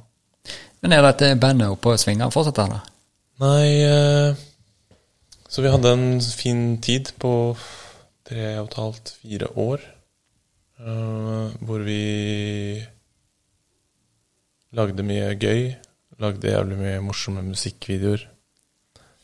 Uh, kan man også sjekke ut Going in Circles, blant annet, og Nozomi, som er en animert musikkvideo.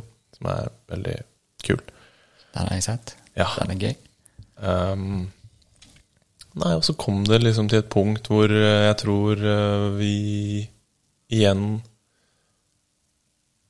ville litt forskjellige ting. Ja. Um, og egentlig bare hadde et behov for også å stå litt på våre egne eh, bein. Ja. Uh, det er vanskelig når du er et band. Altså, jeg vil sammenligne et band på, veldig, på samme måte som et forhold, egentlig. Uh, og du, men i et band så er du flere. Ja. Og du skal ha den samme retningen og visjonen og, og Men så er sannheten at man som en enkeltperson forandrer seg og utvikler seg, og man lever, lever livet og tar til seg inntrykk og ja, endrer seg, da. ja. Uh, og det er ikke alltid at de endringene liksom stemmer overens med hverandres. Um, og så ser jo i ettertid òg at vi, vi, kunne hatt, kunne vært enda flinkere til å, å uttrykke våre følelser og tanker om ting. Og at ja. det var ting, Mellom dere, eller ja. det var ting som hadde bygd seg opp, uh, som ikke hadde blitt deala med, ikke sant. Og, Ja. og, og sånne ting som førte til bare en sånn disharmoni, en usynkronisering, på en måte.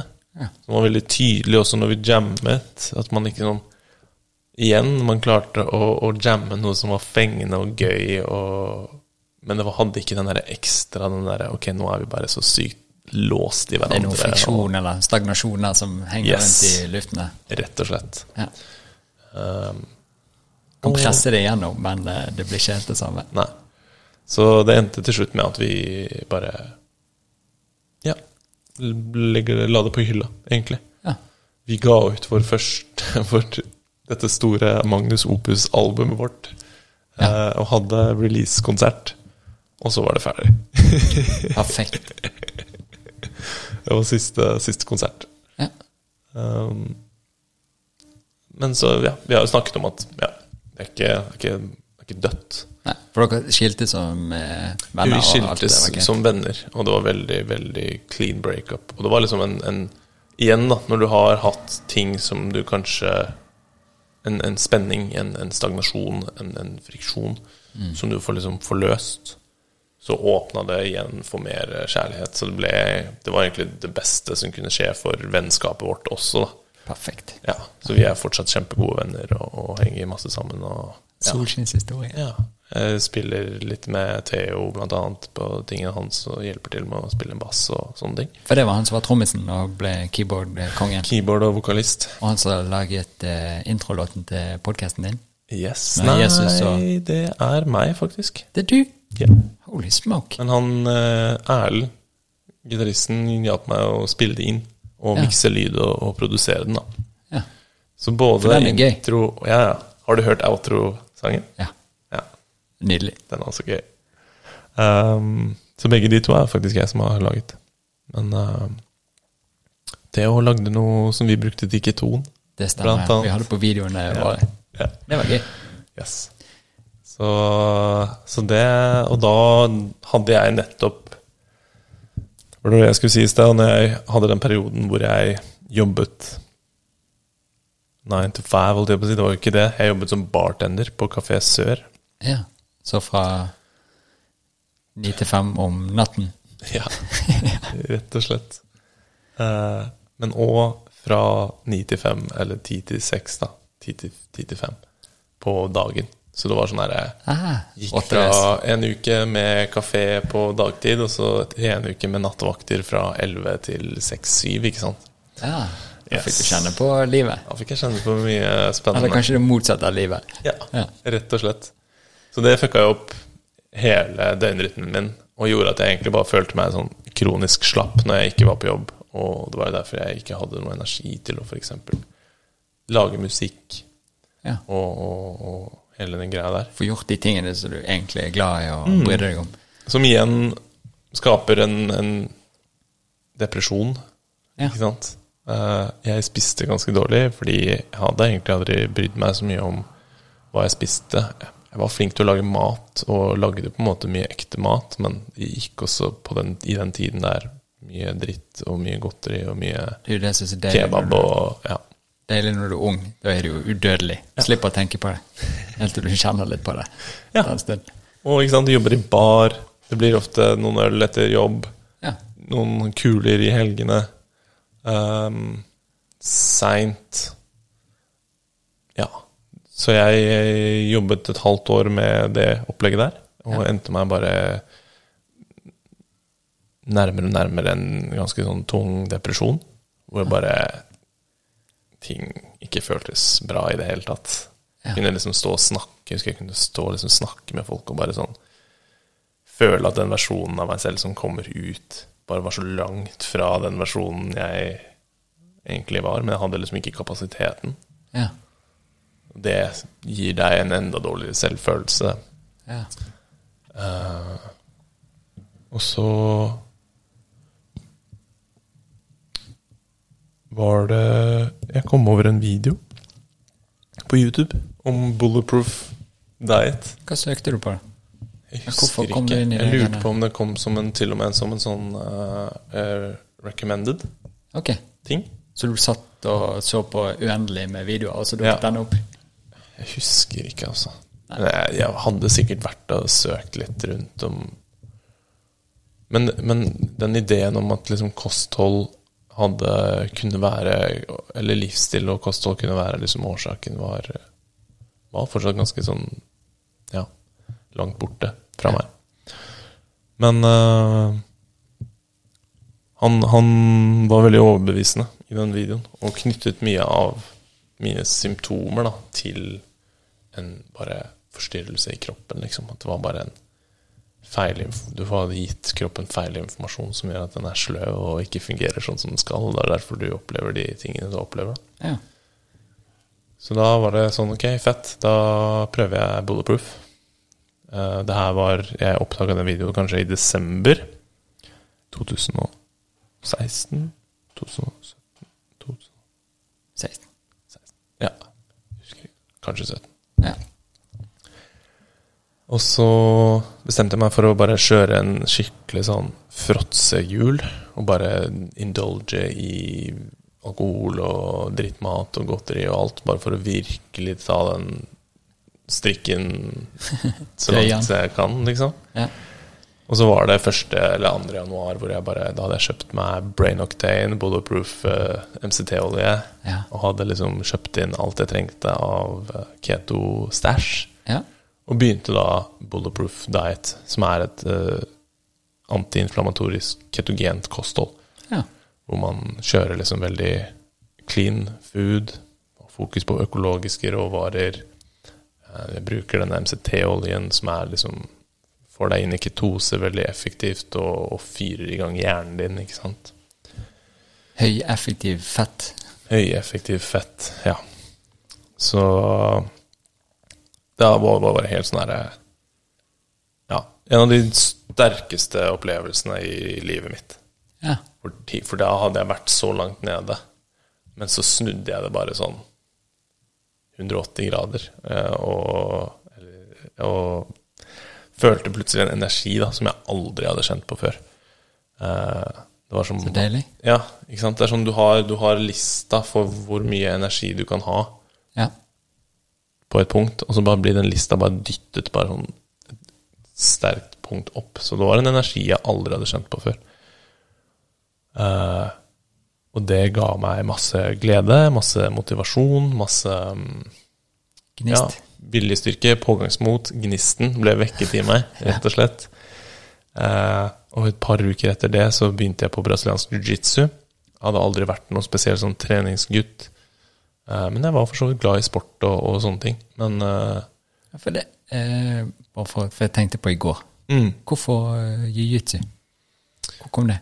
det var fett, fetter, fetteren min som eh, bare um, tipsa meg om det og gikk på det selv. Og ja, han inviterte meg, og jeg tror jeg bare i den der fulle gledesmotivasjonsgreia mi bare ja, sa ja, liksom. Det ble bare mer sånn ja, la oss prøve det. Uh, fikk liksom det motet da, til å bare gjøre noe helt nytt Deilig. og annerledes. Og det var også en ting som bare vekket noe veldig i meg, fordi det var veldig sånn Fikk, fikk, uh, fikk kanalisert ut en litt sånn maskulin styrke, som jeg heller ikke hadde vært så veldig i kontakt med, eh, tror jeg. I mine musikerdager. Jeg tror jeg var veldig liksom i den derre flow, feminin eh, Ikke ha noe ikke ha noen rutiner, ikke ha noe rytme på ting. Eh, lite disiplin, Ja. eh, lite planlegging, ikke sant. Bare ta litt ting som det kommer, og være helt i den der flytende staten. Noe som sikkert er veldig fint når man skal lage musikk, på en måte. Ja. Tror jeg. Um, men, uh, men ja. Du trengte et aspekt av noe annet i tillegg. Ja, jeg trengte en få balansert det mer. Og jeg trengte å få mer kontakt med det maskuline. da. Eh, Som jeg så etter da jobbet mye med. Og, og, og,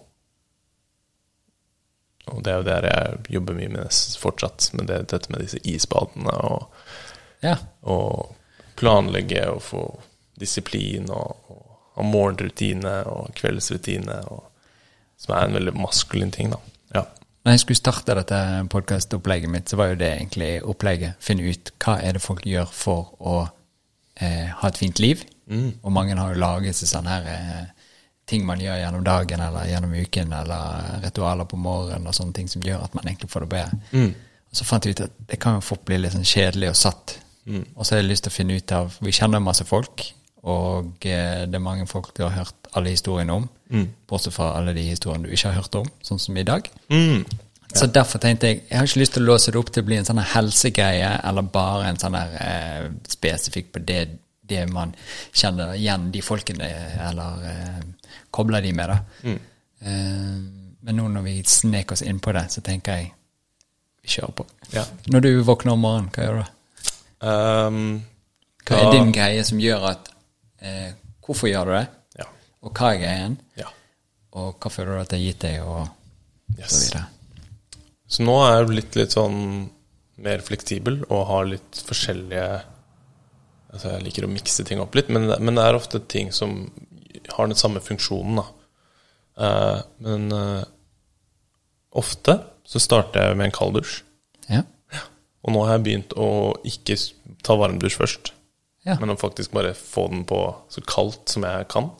Og så stelle meg inn og dusje i ja, to minutters tid. To-tre minutter. ja. Snurrer du deg litt inn i vannet der, eller står du bare for alt oppå hodet? Nei, jeg står og får det på brystet, og så vasker jeg armene. Litt sånn Ja. Og så tar jeg en god session på ryggen. Ja. eh, Et minutts tid. Og så kanskje litt på, på, på hodet og, og håret og, og hele greia der. Ja. Og det er litt sånn igjen da for å, for å kultivere det maskuline i meg. For å sette et mønster som er, handler mye om at jeg er en Å å lære nervesystemet mitt, egentlig, da. Og deale bedre med stress. Og deale bedre med ting som er ukomfortabelt. ja. For det er ganske kjipt når du står under det kalde vannet i Ja. to minutter. Det er ikke noe Det er, noe, det er alltid en, en viss form for uh, Altså, again, aversion. Jeg må finne det norske ordet for av. Aversjon, er det et ord? Det At du ønsker å trekke deg unna, da. Ja. Uh, og at du ikke har lyst. Så, så det mønsteret jeg ønsker å sette der, er jo at når den frykten dukker opp, så er det bare sånn Nei, du skal, du skal inn der, liksom. Og jeg trenger meg gjennom den. For det er et, eh, et mønster som du trekker deg med inn i resten av hverdagen din. Da. Og du, livet ditt består av utallige mengder uh, sånne opplevelser. Ja. Hvor du står der og bare ah, 'Nei, det her har jeg ikke lyst til å gjøre'. Og, men, og, men du vet at du ville få det beste resultatet av å bare gjøre det, ja. Men det er enklere å la være å gjøre det enn å gå inn og gjøre det. rett og slett. Så jeg prøver å kultivere det mønsteret, og da er en kalddusj veldig effektivt, fordi det er ganske ubehagelig. og så um, Nå om dagen så har jeg begynt å puste. Wim Hof-pusting. Ja. Um, mest fordi det bare får meg til å føle meg veldig bra. Så deilig. Ja. Er det noe som varer lenge, holdt på å si? Ja, altså det jeg gjør når jeg har pustet uh, Så Wim Hof-pusting, for de som ikke vet det, er en måte Ja, litt sånn hyperventilering, uh, hvor du puster Darth Vader. Yes. Oi, det ble skikkelig Darth Vader. Så det er der eh, Wim Hof fikk pusteteknikken fra, fra Star Wars. Yes, Alt kommer egentlig fra Star Wars, har jeg lagt merke til. det gjør det. Ja. Deilig. Lukas var inne på noe. Ja. Greit. Ehm, Wim Hof. ja, og det er masse greier som skjer. Jeg har ikke satt meg nok inn i det til å kunne gi det ramse opp alt som foregår fysiologisk i kroppen din, men det er mye med at du fyller kroppen din med mye oksygen. Uh, og det har en, en, en basisk effekt på det indre miljøet ditt som ja, Du kommer deg ned i nervesystemet, og ting skjer da som får kroppen din til å føle seg bra. For de som ikke vet, så er jo Wim Hof eh, har jo de pusteteknikkene sine, og han bruker det bare for Ikke bare for, men han eh, brukte det også for å være verdensmester i å sitte i kaldt vann og Ja. satt der i timevis og koste seg. Ja. Så det er en, en teknikk som han har liksom bare tatt videre og, og spredd ja. til alle mulige. Det er jo helt spinnvilt, alle de tingene han uh, får til med nå The Power of His Mind. Gjennom pusting, uh, kuldeterapi, som jeg gjør da med kalddusjing, men som jeg også gjør med å bade i isvann. Og fokus, da. Ja. Så jeg trenger ikke gå for mye inn i det. Men da holder du på med det Wim Hof-opplegget ditt i Ja. Hvor lenge, da? er, Sitter du da i badehåndkle? Nei, da tar jeg på meg morgenkåpe. Tørket Å ja. Ja, så jeg har en Med litt sånn frisk farge? Ja. ja. Rød farge. Liker det. Litt sånn maroon. Oh. Ja. Sexy. Så Maroon og Wim Hof Ja. ehm, så jeg gjør det Jeg tar 30 sånne pust. Ja. For det gjør at du fyller kroppen din med oksygen, og så puster du helt ut. Ja. Sånn at du har ikke noe luft i lungene, og så holder du pusten. Ja. Og da holder du pusten ja, opptil halvannet minutt, faktisk, uten luft i lungene dine. Det er ganske sprøtt, men det funker. Uh, og så gjør jeg det tre ganger ja. rett og slett. Og så når jeg har gjort ferdig tredje gangen, så setter jeg på en liten klokke, eh, som er da meditasjonsklokka mi. ja. Og så mediterer jeg eh, transcendental meditasjon i 15 minutter. 15 til 20. Det kommer litt an på hvor god tid jeg har. ja. Sånn at ikke meditasjon blir stress. Ja, Ja. ikke sant. Um, transcendental meditasjon, det har jo vi har gått på kurs sammen Ja. med vakre Bertine Zetlitz. ja. um, er en form for mantrameditasjon, da. Som jeg har funnet er den mest effektive meditasjonsmetoden for å komme meg ned i en dyp tilstand av meditasjon, hvor jeg klarer å ikke være så mye oppi hodet mitt, og klarer å være mer til stede og, og kjenne på den dype, avslappende følelsen. da. Nydelig. Eh, og det gjør jeg jo for å egentlig prime kroppen min for, og huet mitt for dagen. Ja. For at jeg kan For å ha et avslappet nervesystem, og, og for å på en måte klare å handle bedre ut fra en mer avslappet tilstand, da. Ja. Jeg merker at hvis jeg bare eh, våkner opp og ses, tar av flight mode på mobilen min og begynner på Instagram og lager meg en kopp kaffe, liksom, Så er festen i gang. så er eh, min evne til å yte utover dagen betraktelig mindre liksom, effektiv, egentlig. Ja. Det er kanskje det handler om. Effektivitet. Eh, fordi jeg er ikke ordentlig til stede. Jeg har ikke den samme roen jeg får. Ja, og det påvirker veldig hvordan jeg jobber, men også hvordan jeg interagerer med folk og, og alt dette her. Da. Min evne til å være til stede, til å være tydelig i mentale, til å, til å kunne gi det, alt jeg har å gi. da. Ja. Uh, så det merker jeg veldig. At uh, hvis jeg ikke får denne meditasjonen, så er jeg litt mer sånn on edge og blir litt fortere stressa og ja, er ikke like glad og like kjærlig, på en måte. Nei. Så, det, så den er veldig fin. Ja. Og så bruker jeg et eller annet for å uh, gi pleie kroppen min litt, da. Okay. Det kan være sju minutter med yoga. Ja. Uh, men nå begynner, har jeg også begynt med qigong sammen med deg. ja. Så det kan være å kjøre gjennom femelementet qigongen. Uh, eller så kan det være en treningsøkt, hvis jeg føler meg virkelig sånn Uff, nå er det bare Nå skal vi fire i gang, liksom. Og så, etter det, så spiser jeg en eller annen form for frokost. Jeg pleier ofte å lage meg en smørkaffe eller en smørkakao. Har jeg begynt med nå. Kakao er eh, Ja, jeg liker det. ja. Jeg òg liker det. Mm. Men man har, Ja. ja. For det har jo sikkert noe med kvalitet å gjøre. Hva er det at du Ja. merker noe mer enn at det bare er en god smak i munnen, på en måte? Ja, jeg har blitt eh, venn med en litt sånn kakao-geek.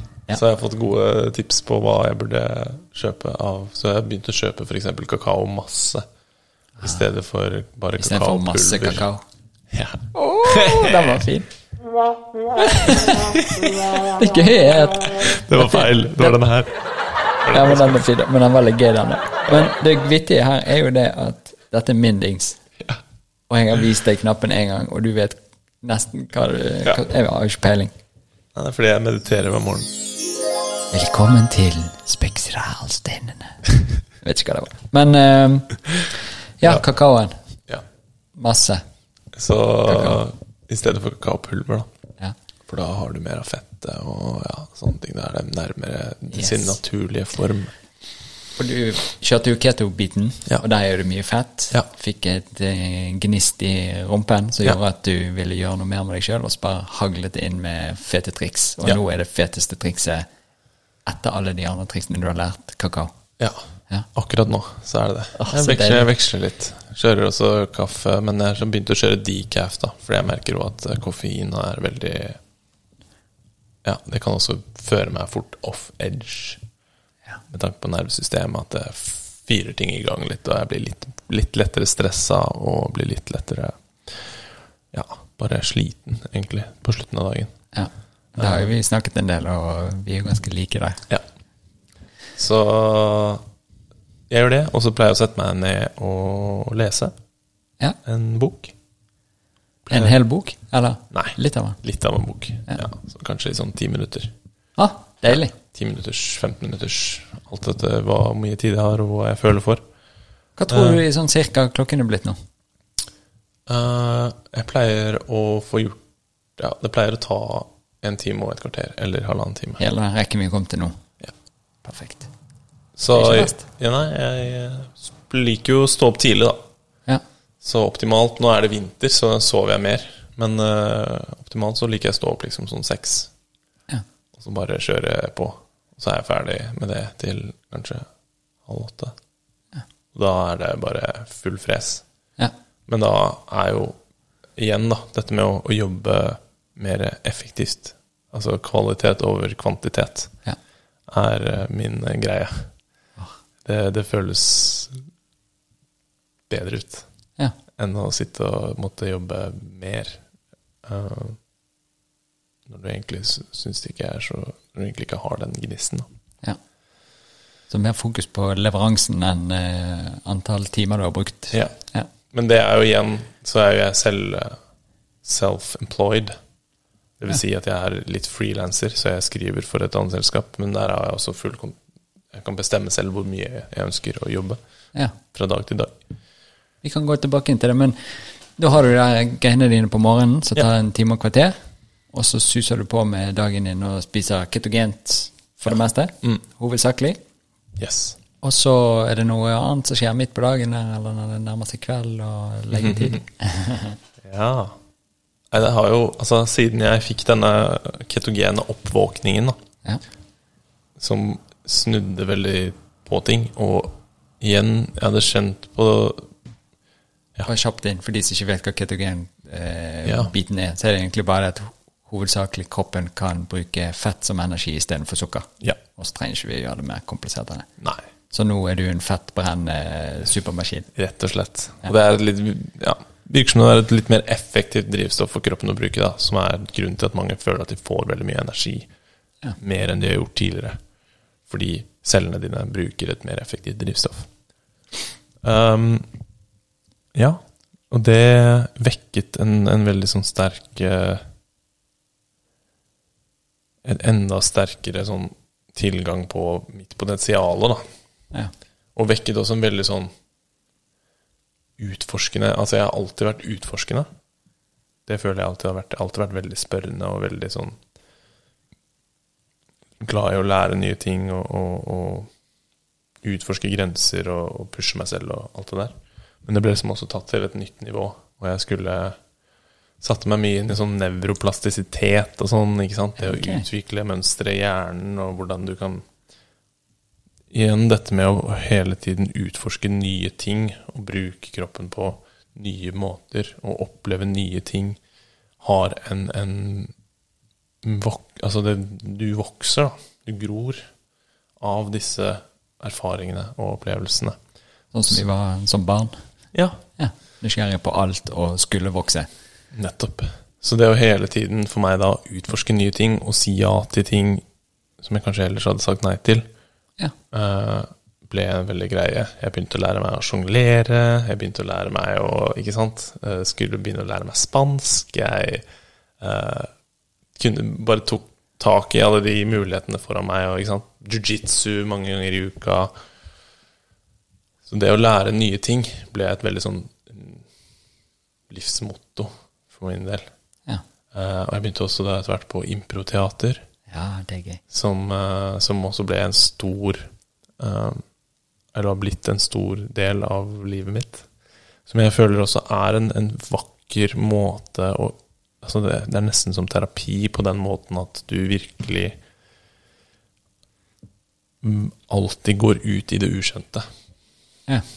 Så improteater, for de som ikke vet hva det er for noe, så er det improvisert teater.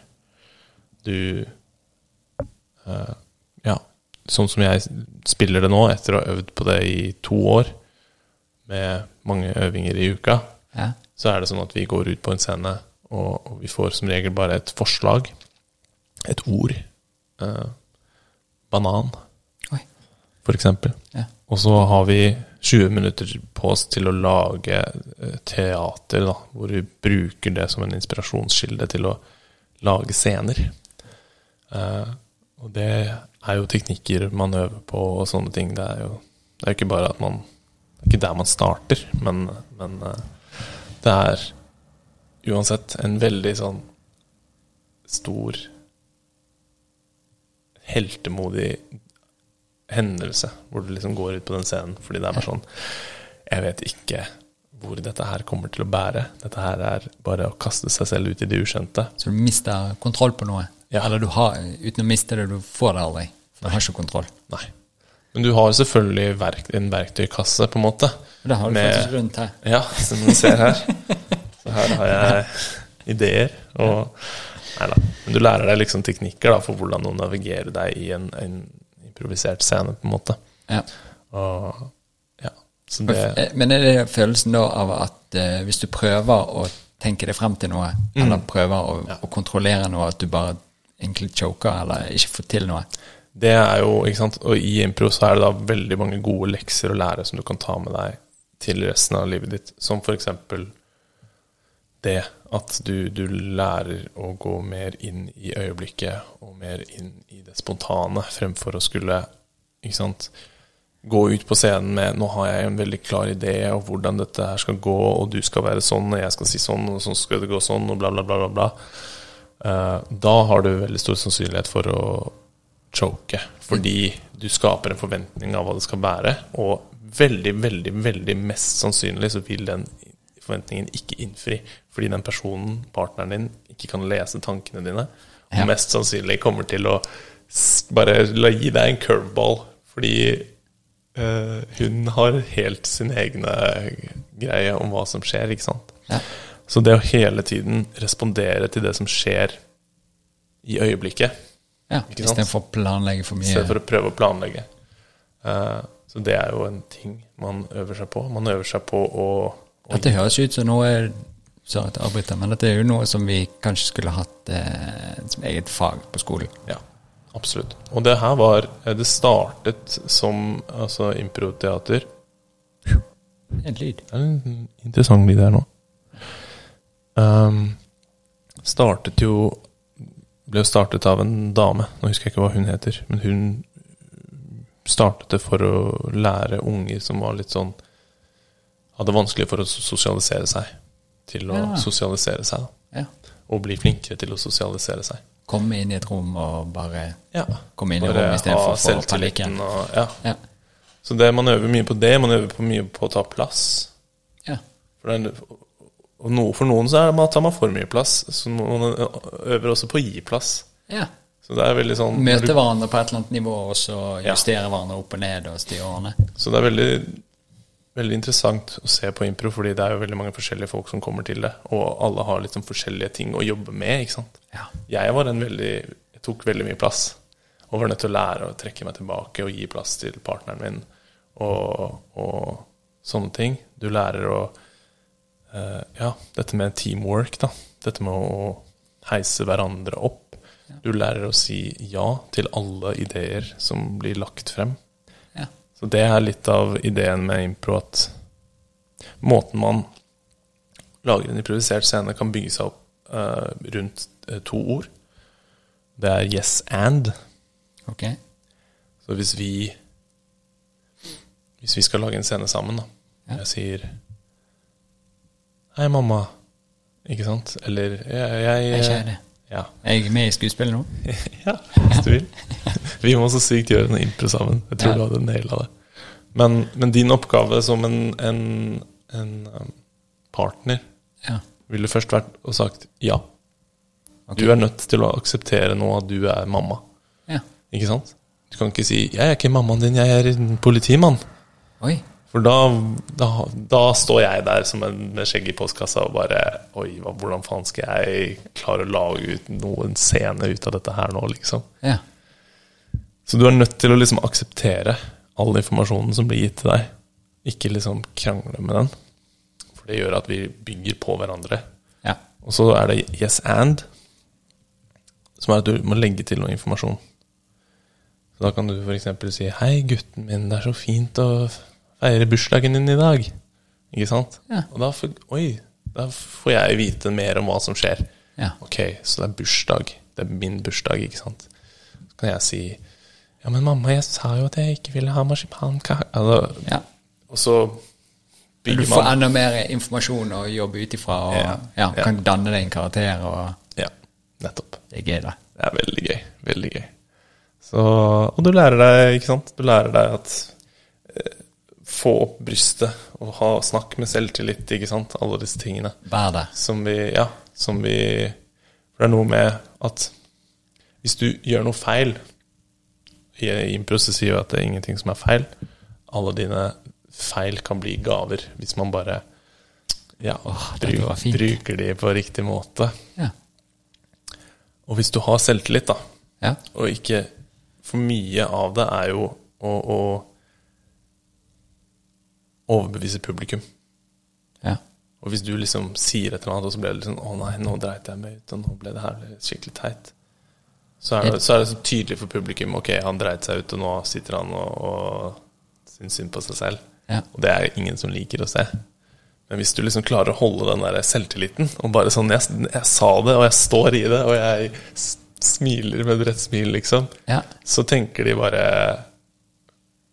Herlig. De, de tenker ikke noe over at du, at du gjorde noe feil, ikke sant. Nei.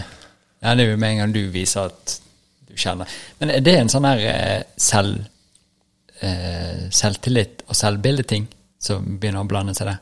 Ja, ja Kanskje. Absolutt.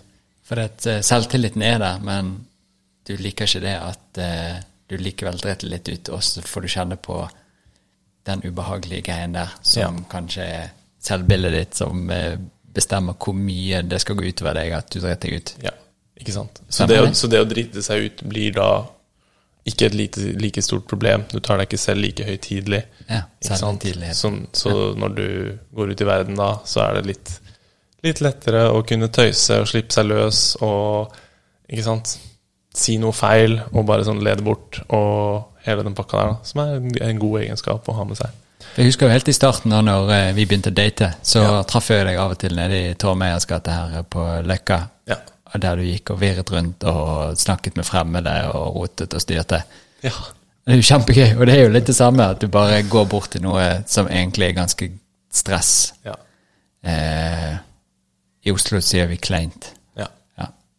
Det er, gå inn i sånne helt eh, merkelige situasjoner, og så bare er inne i det. Og så blir det lettere og lettere.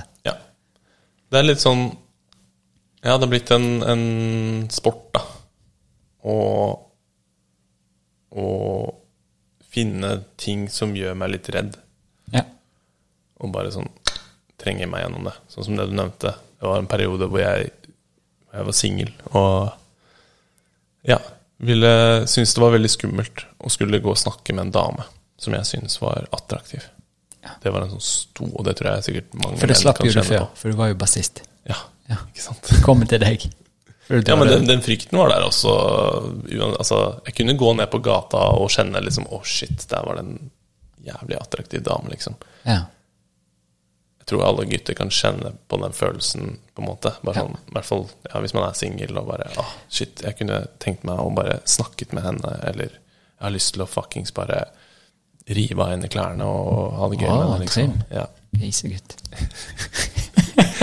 Altså, det Ja, Ja, men det er jo den, den delen er i oss. Ja, Ja, ja. Og så er det denne sårbarheten av å være i den situasjonen og så kjenne på eh, Ja, nei, det gikk jo ikke helt sånn som jeg hadde trodd, og det er egentlig ganske pinlig og stress for meg. Mm.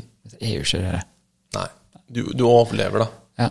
Og det er også mye av det dette her handler om. Frykten din føler jeg er der for å uh, å holde deg trygg, ikke sant. ja. Eh, og det er jo Så den er egentlig på din side.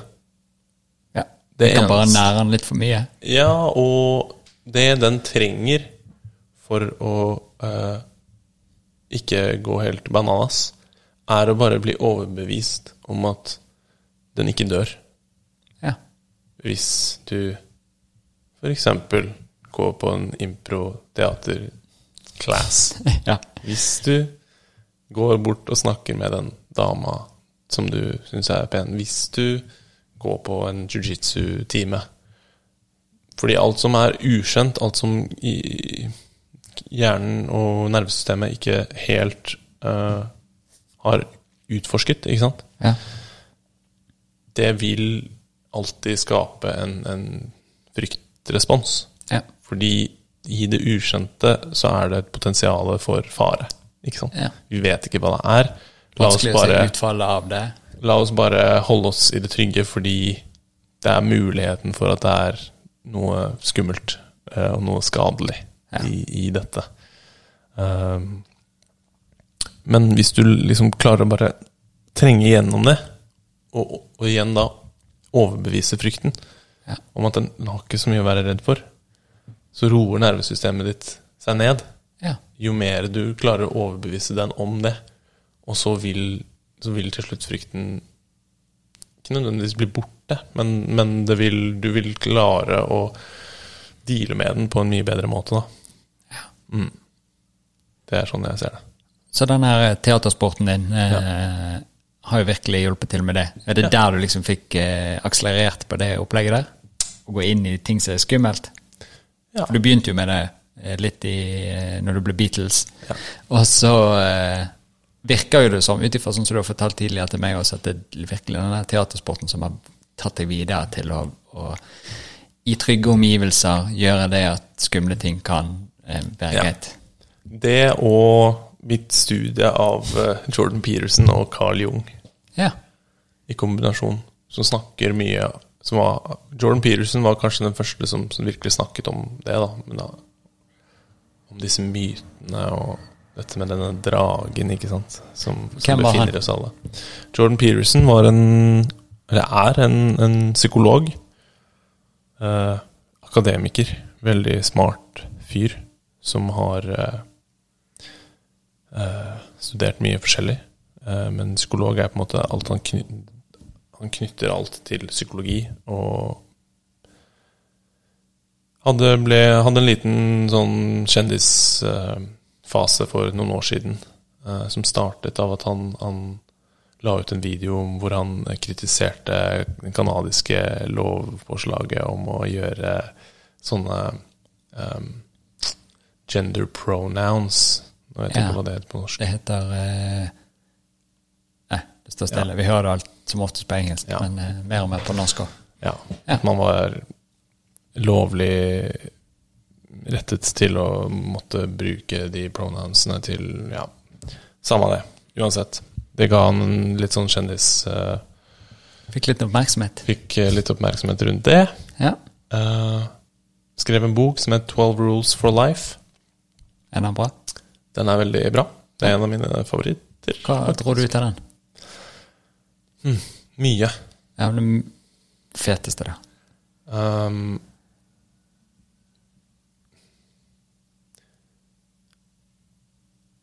det er igjen hele den Husker du der den der cricket-lyden? Er det her? Nei. mm, lilla.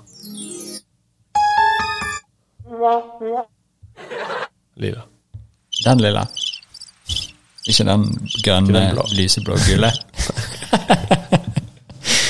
ja, sorry. Ja. Det var Um, det feteste tingen ut av den boken. ja. Går det an å si? Det var litt vanskelig. Åh, det, er, ja, det er vanskelig, det er vanskelig. Drit i det. Men jeg føler den tingen som kanskje han Ja, hvilket mest, var den derre Gå ut i det ukjente. Ja. Og det er på den måten du vokser og bygger deg selv sterkere. ja. Og ja, det Og så ned i Carl Jung også, som, som, som er en av de psykologene som Jordan Peterson bygger mye på, da. Aha. Ja. Som har studert og, og liksom virkelig viet livet sitt til å studere mytologiske og religiøse tekster, da, for å se på hva er det Ja, de store, store filosofiske spørsmålene, da, med hva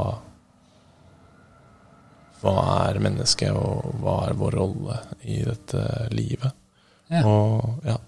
Og hvordan det kanskje har vært eh, fortalt opp igjennom gjennom eh, en del eh, symboler og karakterer og alle disse tingene her, uten at vi trenger å gå helt eh, banan. Det kan vi gjøre en annen dag. Det kan vi gjøre en annen dag. Det hadde vært gøy. Ja. Nei, men Så deilig, da. Så da er det, det har hjulpet deg å utvikle deg. ja. Og eh, i sånn her eh, I hva du gjør i løpet av en dag. Mm. Hva er da Ja. viktig for deg også?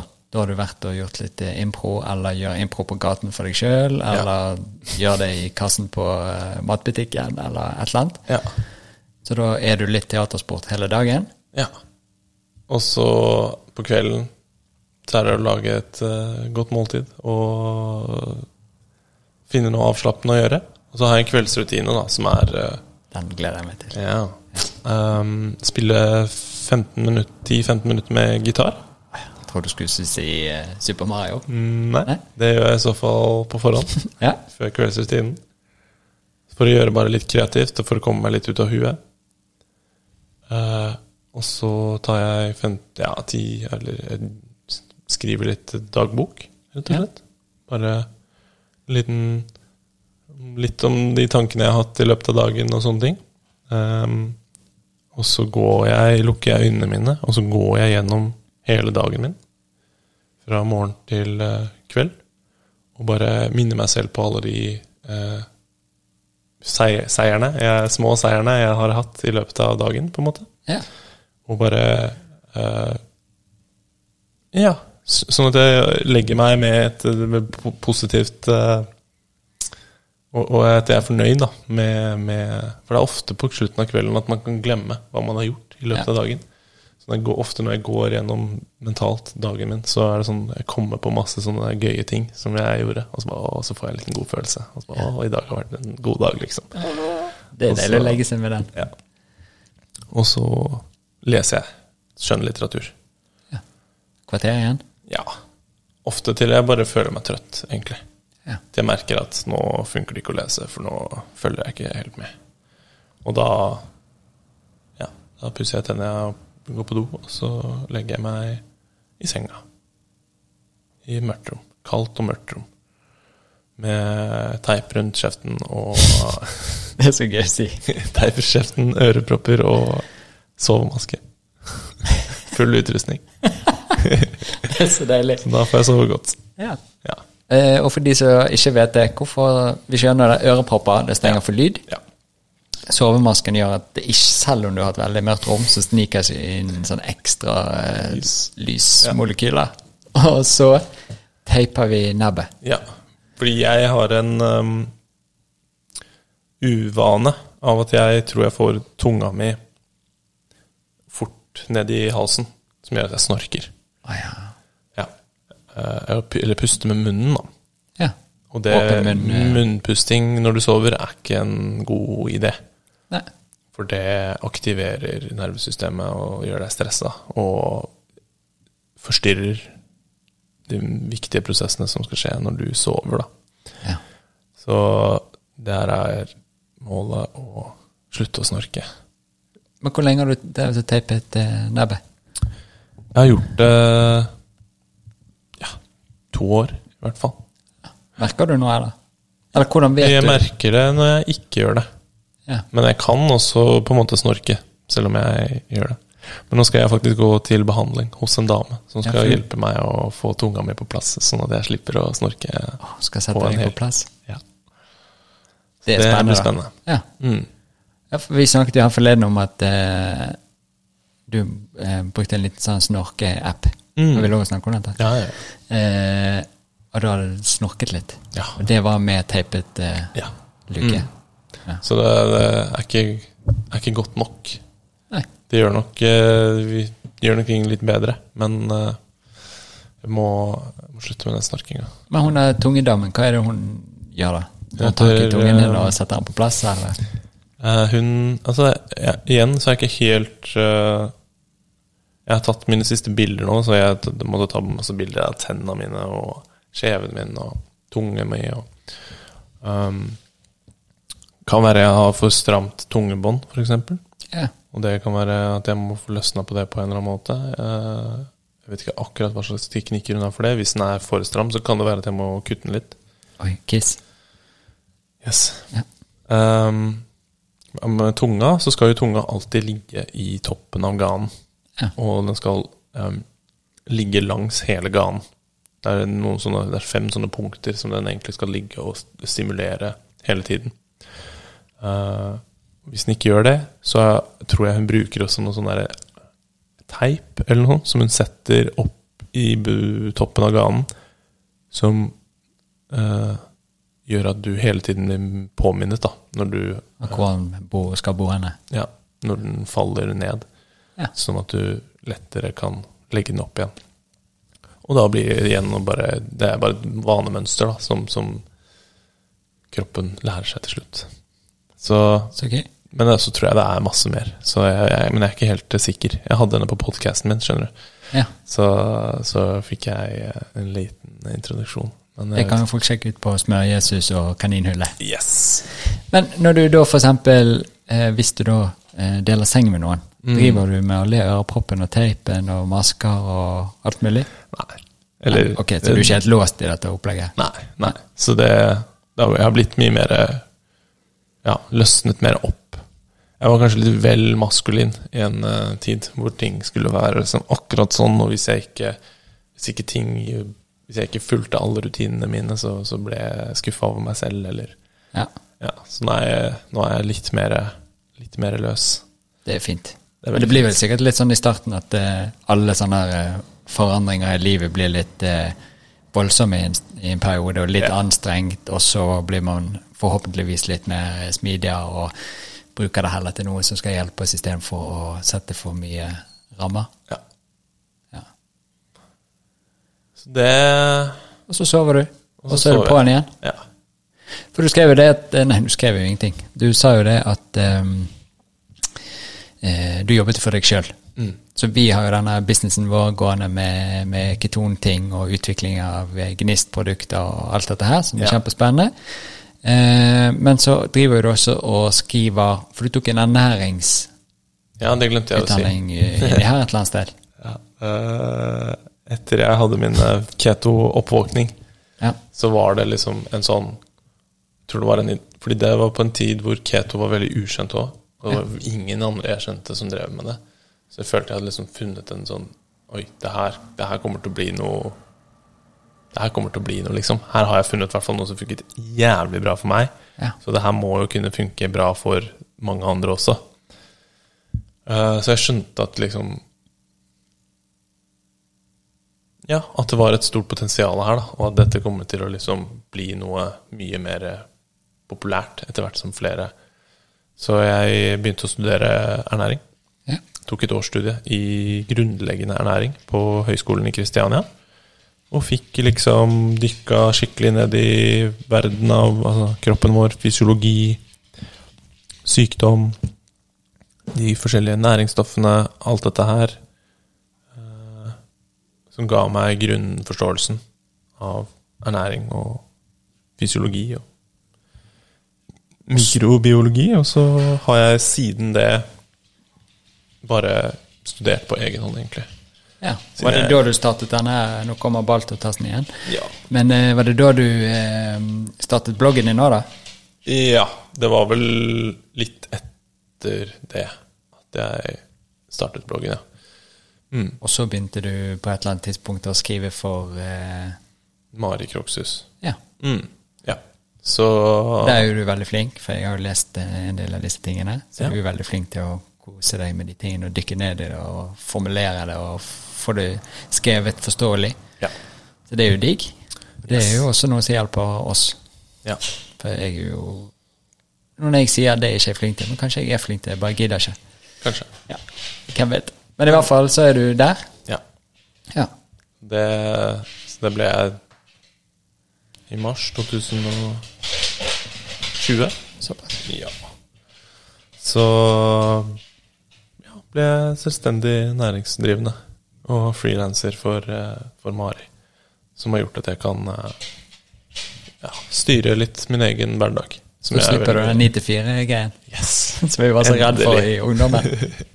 Så jeg føler jeg nesten jobba altså helt siden tilbake til ja, som fem år siden, da, hvor man kanskje begynte å eksperimentere mer med psykedelika. Ja. Det var liksom Det var et mål som ble satt, som jeg liksom har jobba veldig mot. da Ja. Så det var stort når jeg endelig kom meg dit. Så det, det anbefaler jeg folk. Så deilig. Det er litt å jobbe for, da. Ja. Og det er en ukomfortabel sti. Så hvis man ikke er keen på det, så anbefaler jeg det ikke. Men jeg syns det er verdt, Det har skjedd mye. verdt eh, avkastningen. Ja. Eller ja, verdt risken og verdt de ubehagelige. For den avkastningen du får, er veldig stor. Nå har vi holdt på å snakke lenge, To kjenner timer, ser jeg. Ja, og vi kunne jo fortsette. Ja. Men bare sånn, er det noe du eh, har nødt til å få ut av deg nå? Nei. I denne greiene? Det var deilig å få høre alle disse Jeg gleder meg sånn til å se det bildet med det skjegget og håret ditt. Eh, men deilig å høre den biten der. Og eh, kort oppsummert alle eh, morgenrutinene dine, så er det stå opp, Ja. kalddusjen din, Ja. Wim Hof, Wim Hof-pusting, meditasjon. Eh, smør kaffe eller kakao. eller yoga, litt kropps... Å, eh, ja, kroppsopplegg. Bare for å vekke kroppen din og gi den litt pleie. Ja.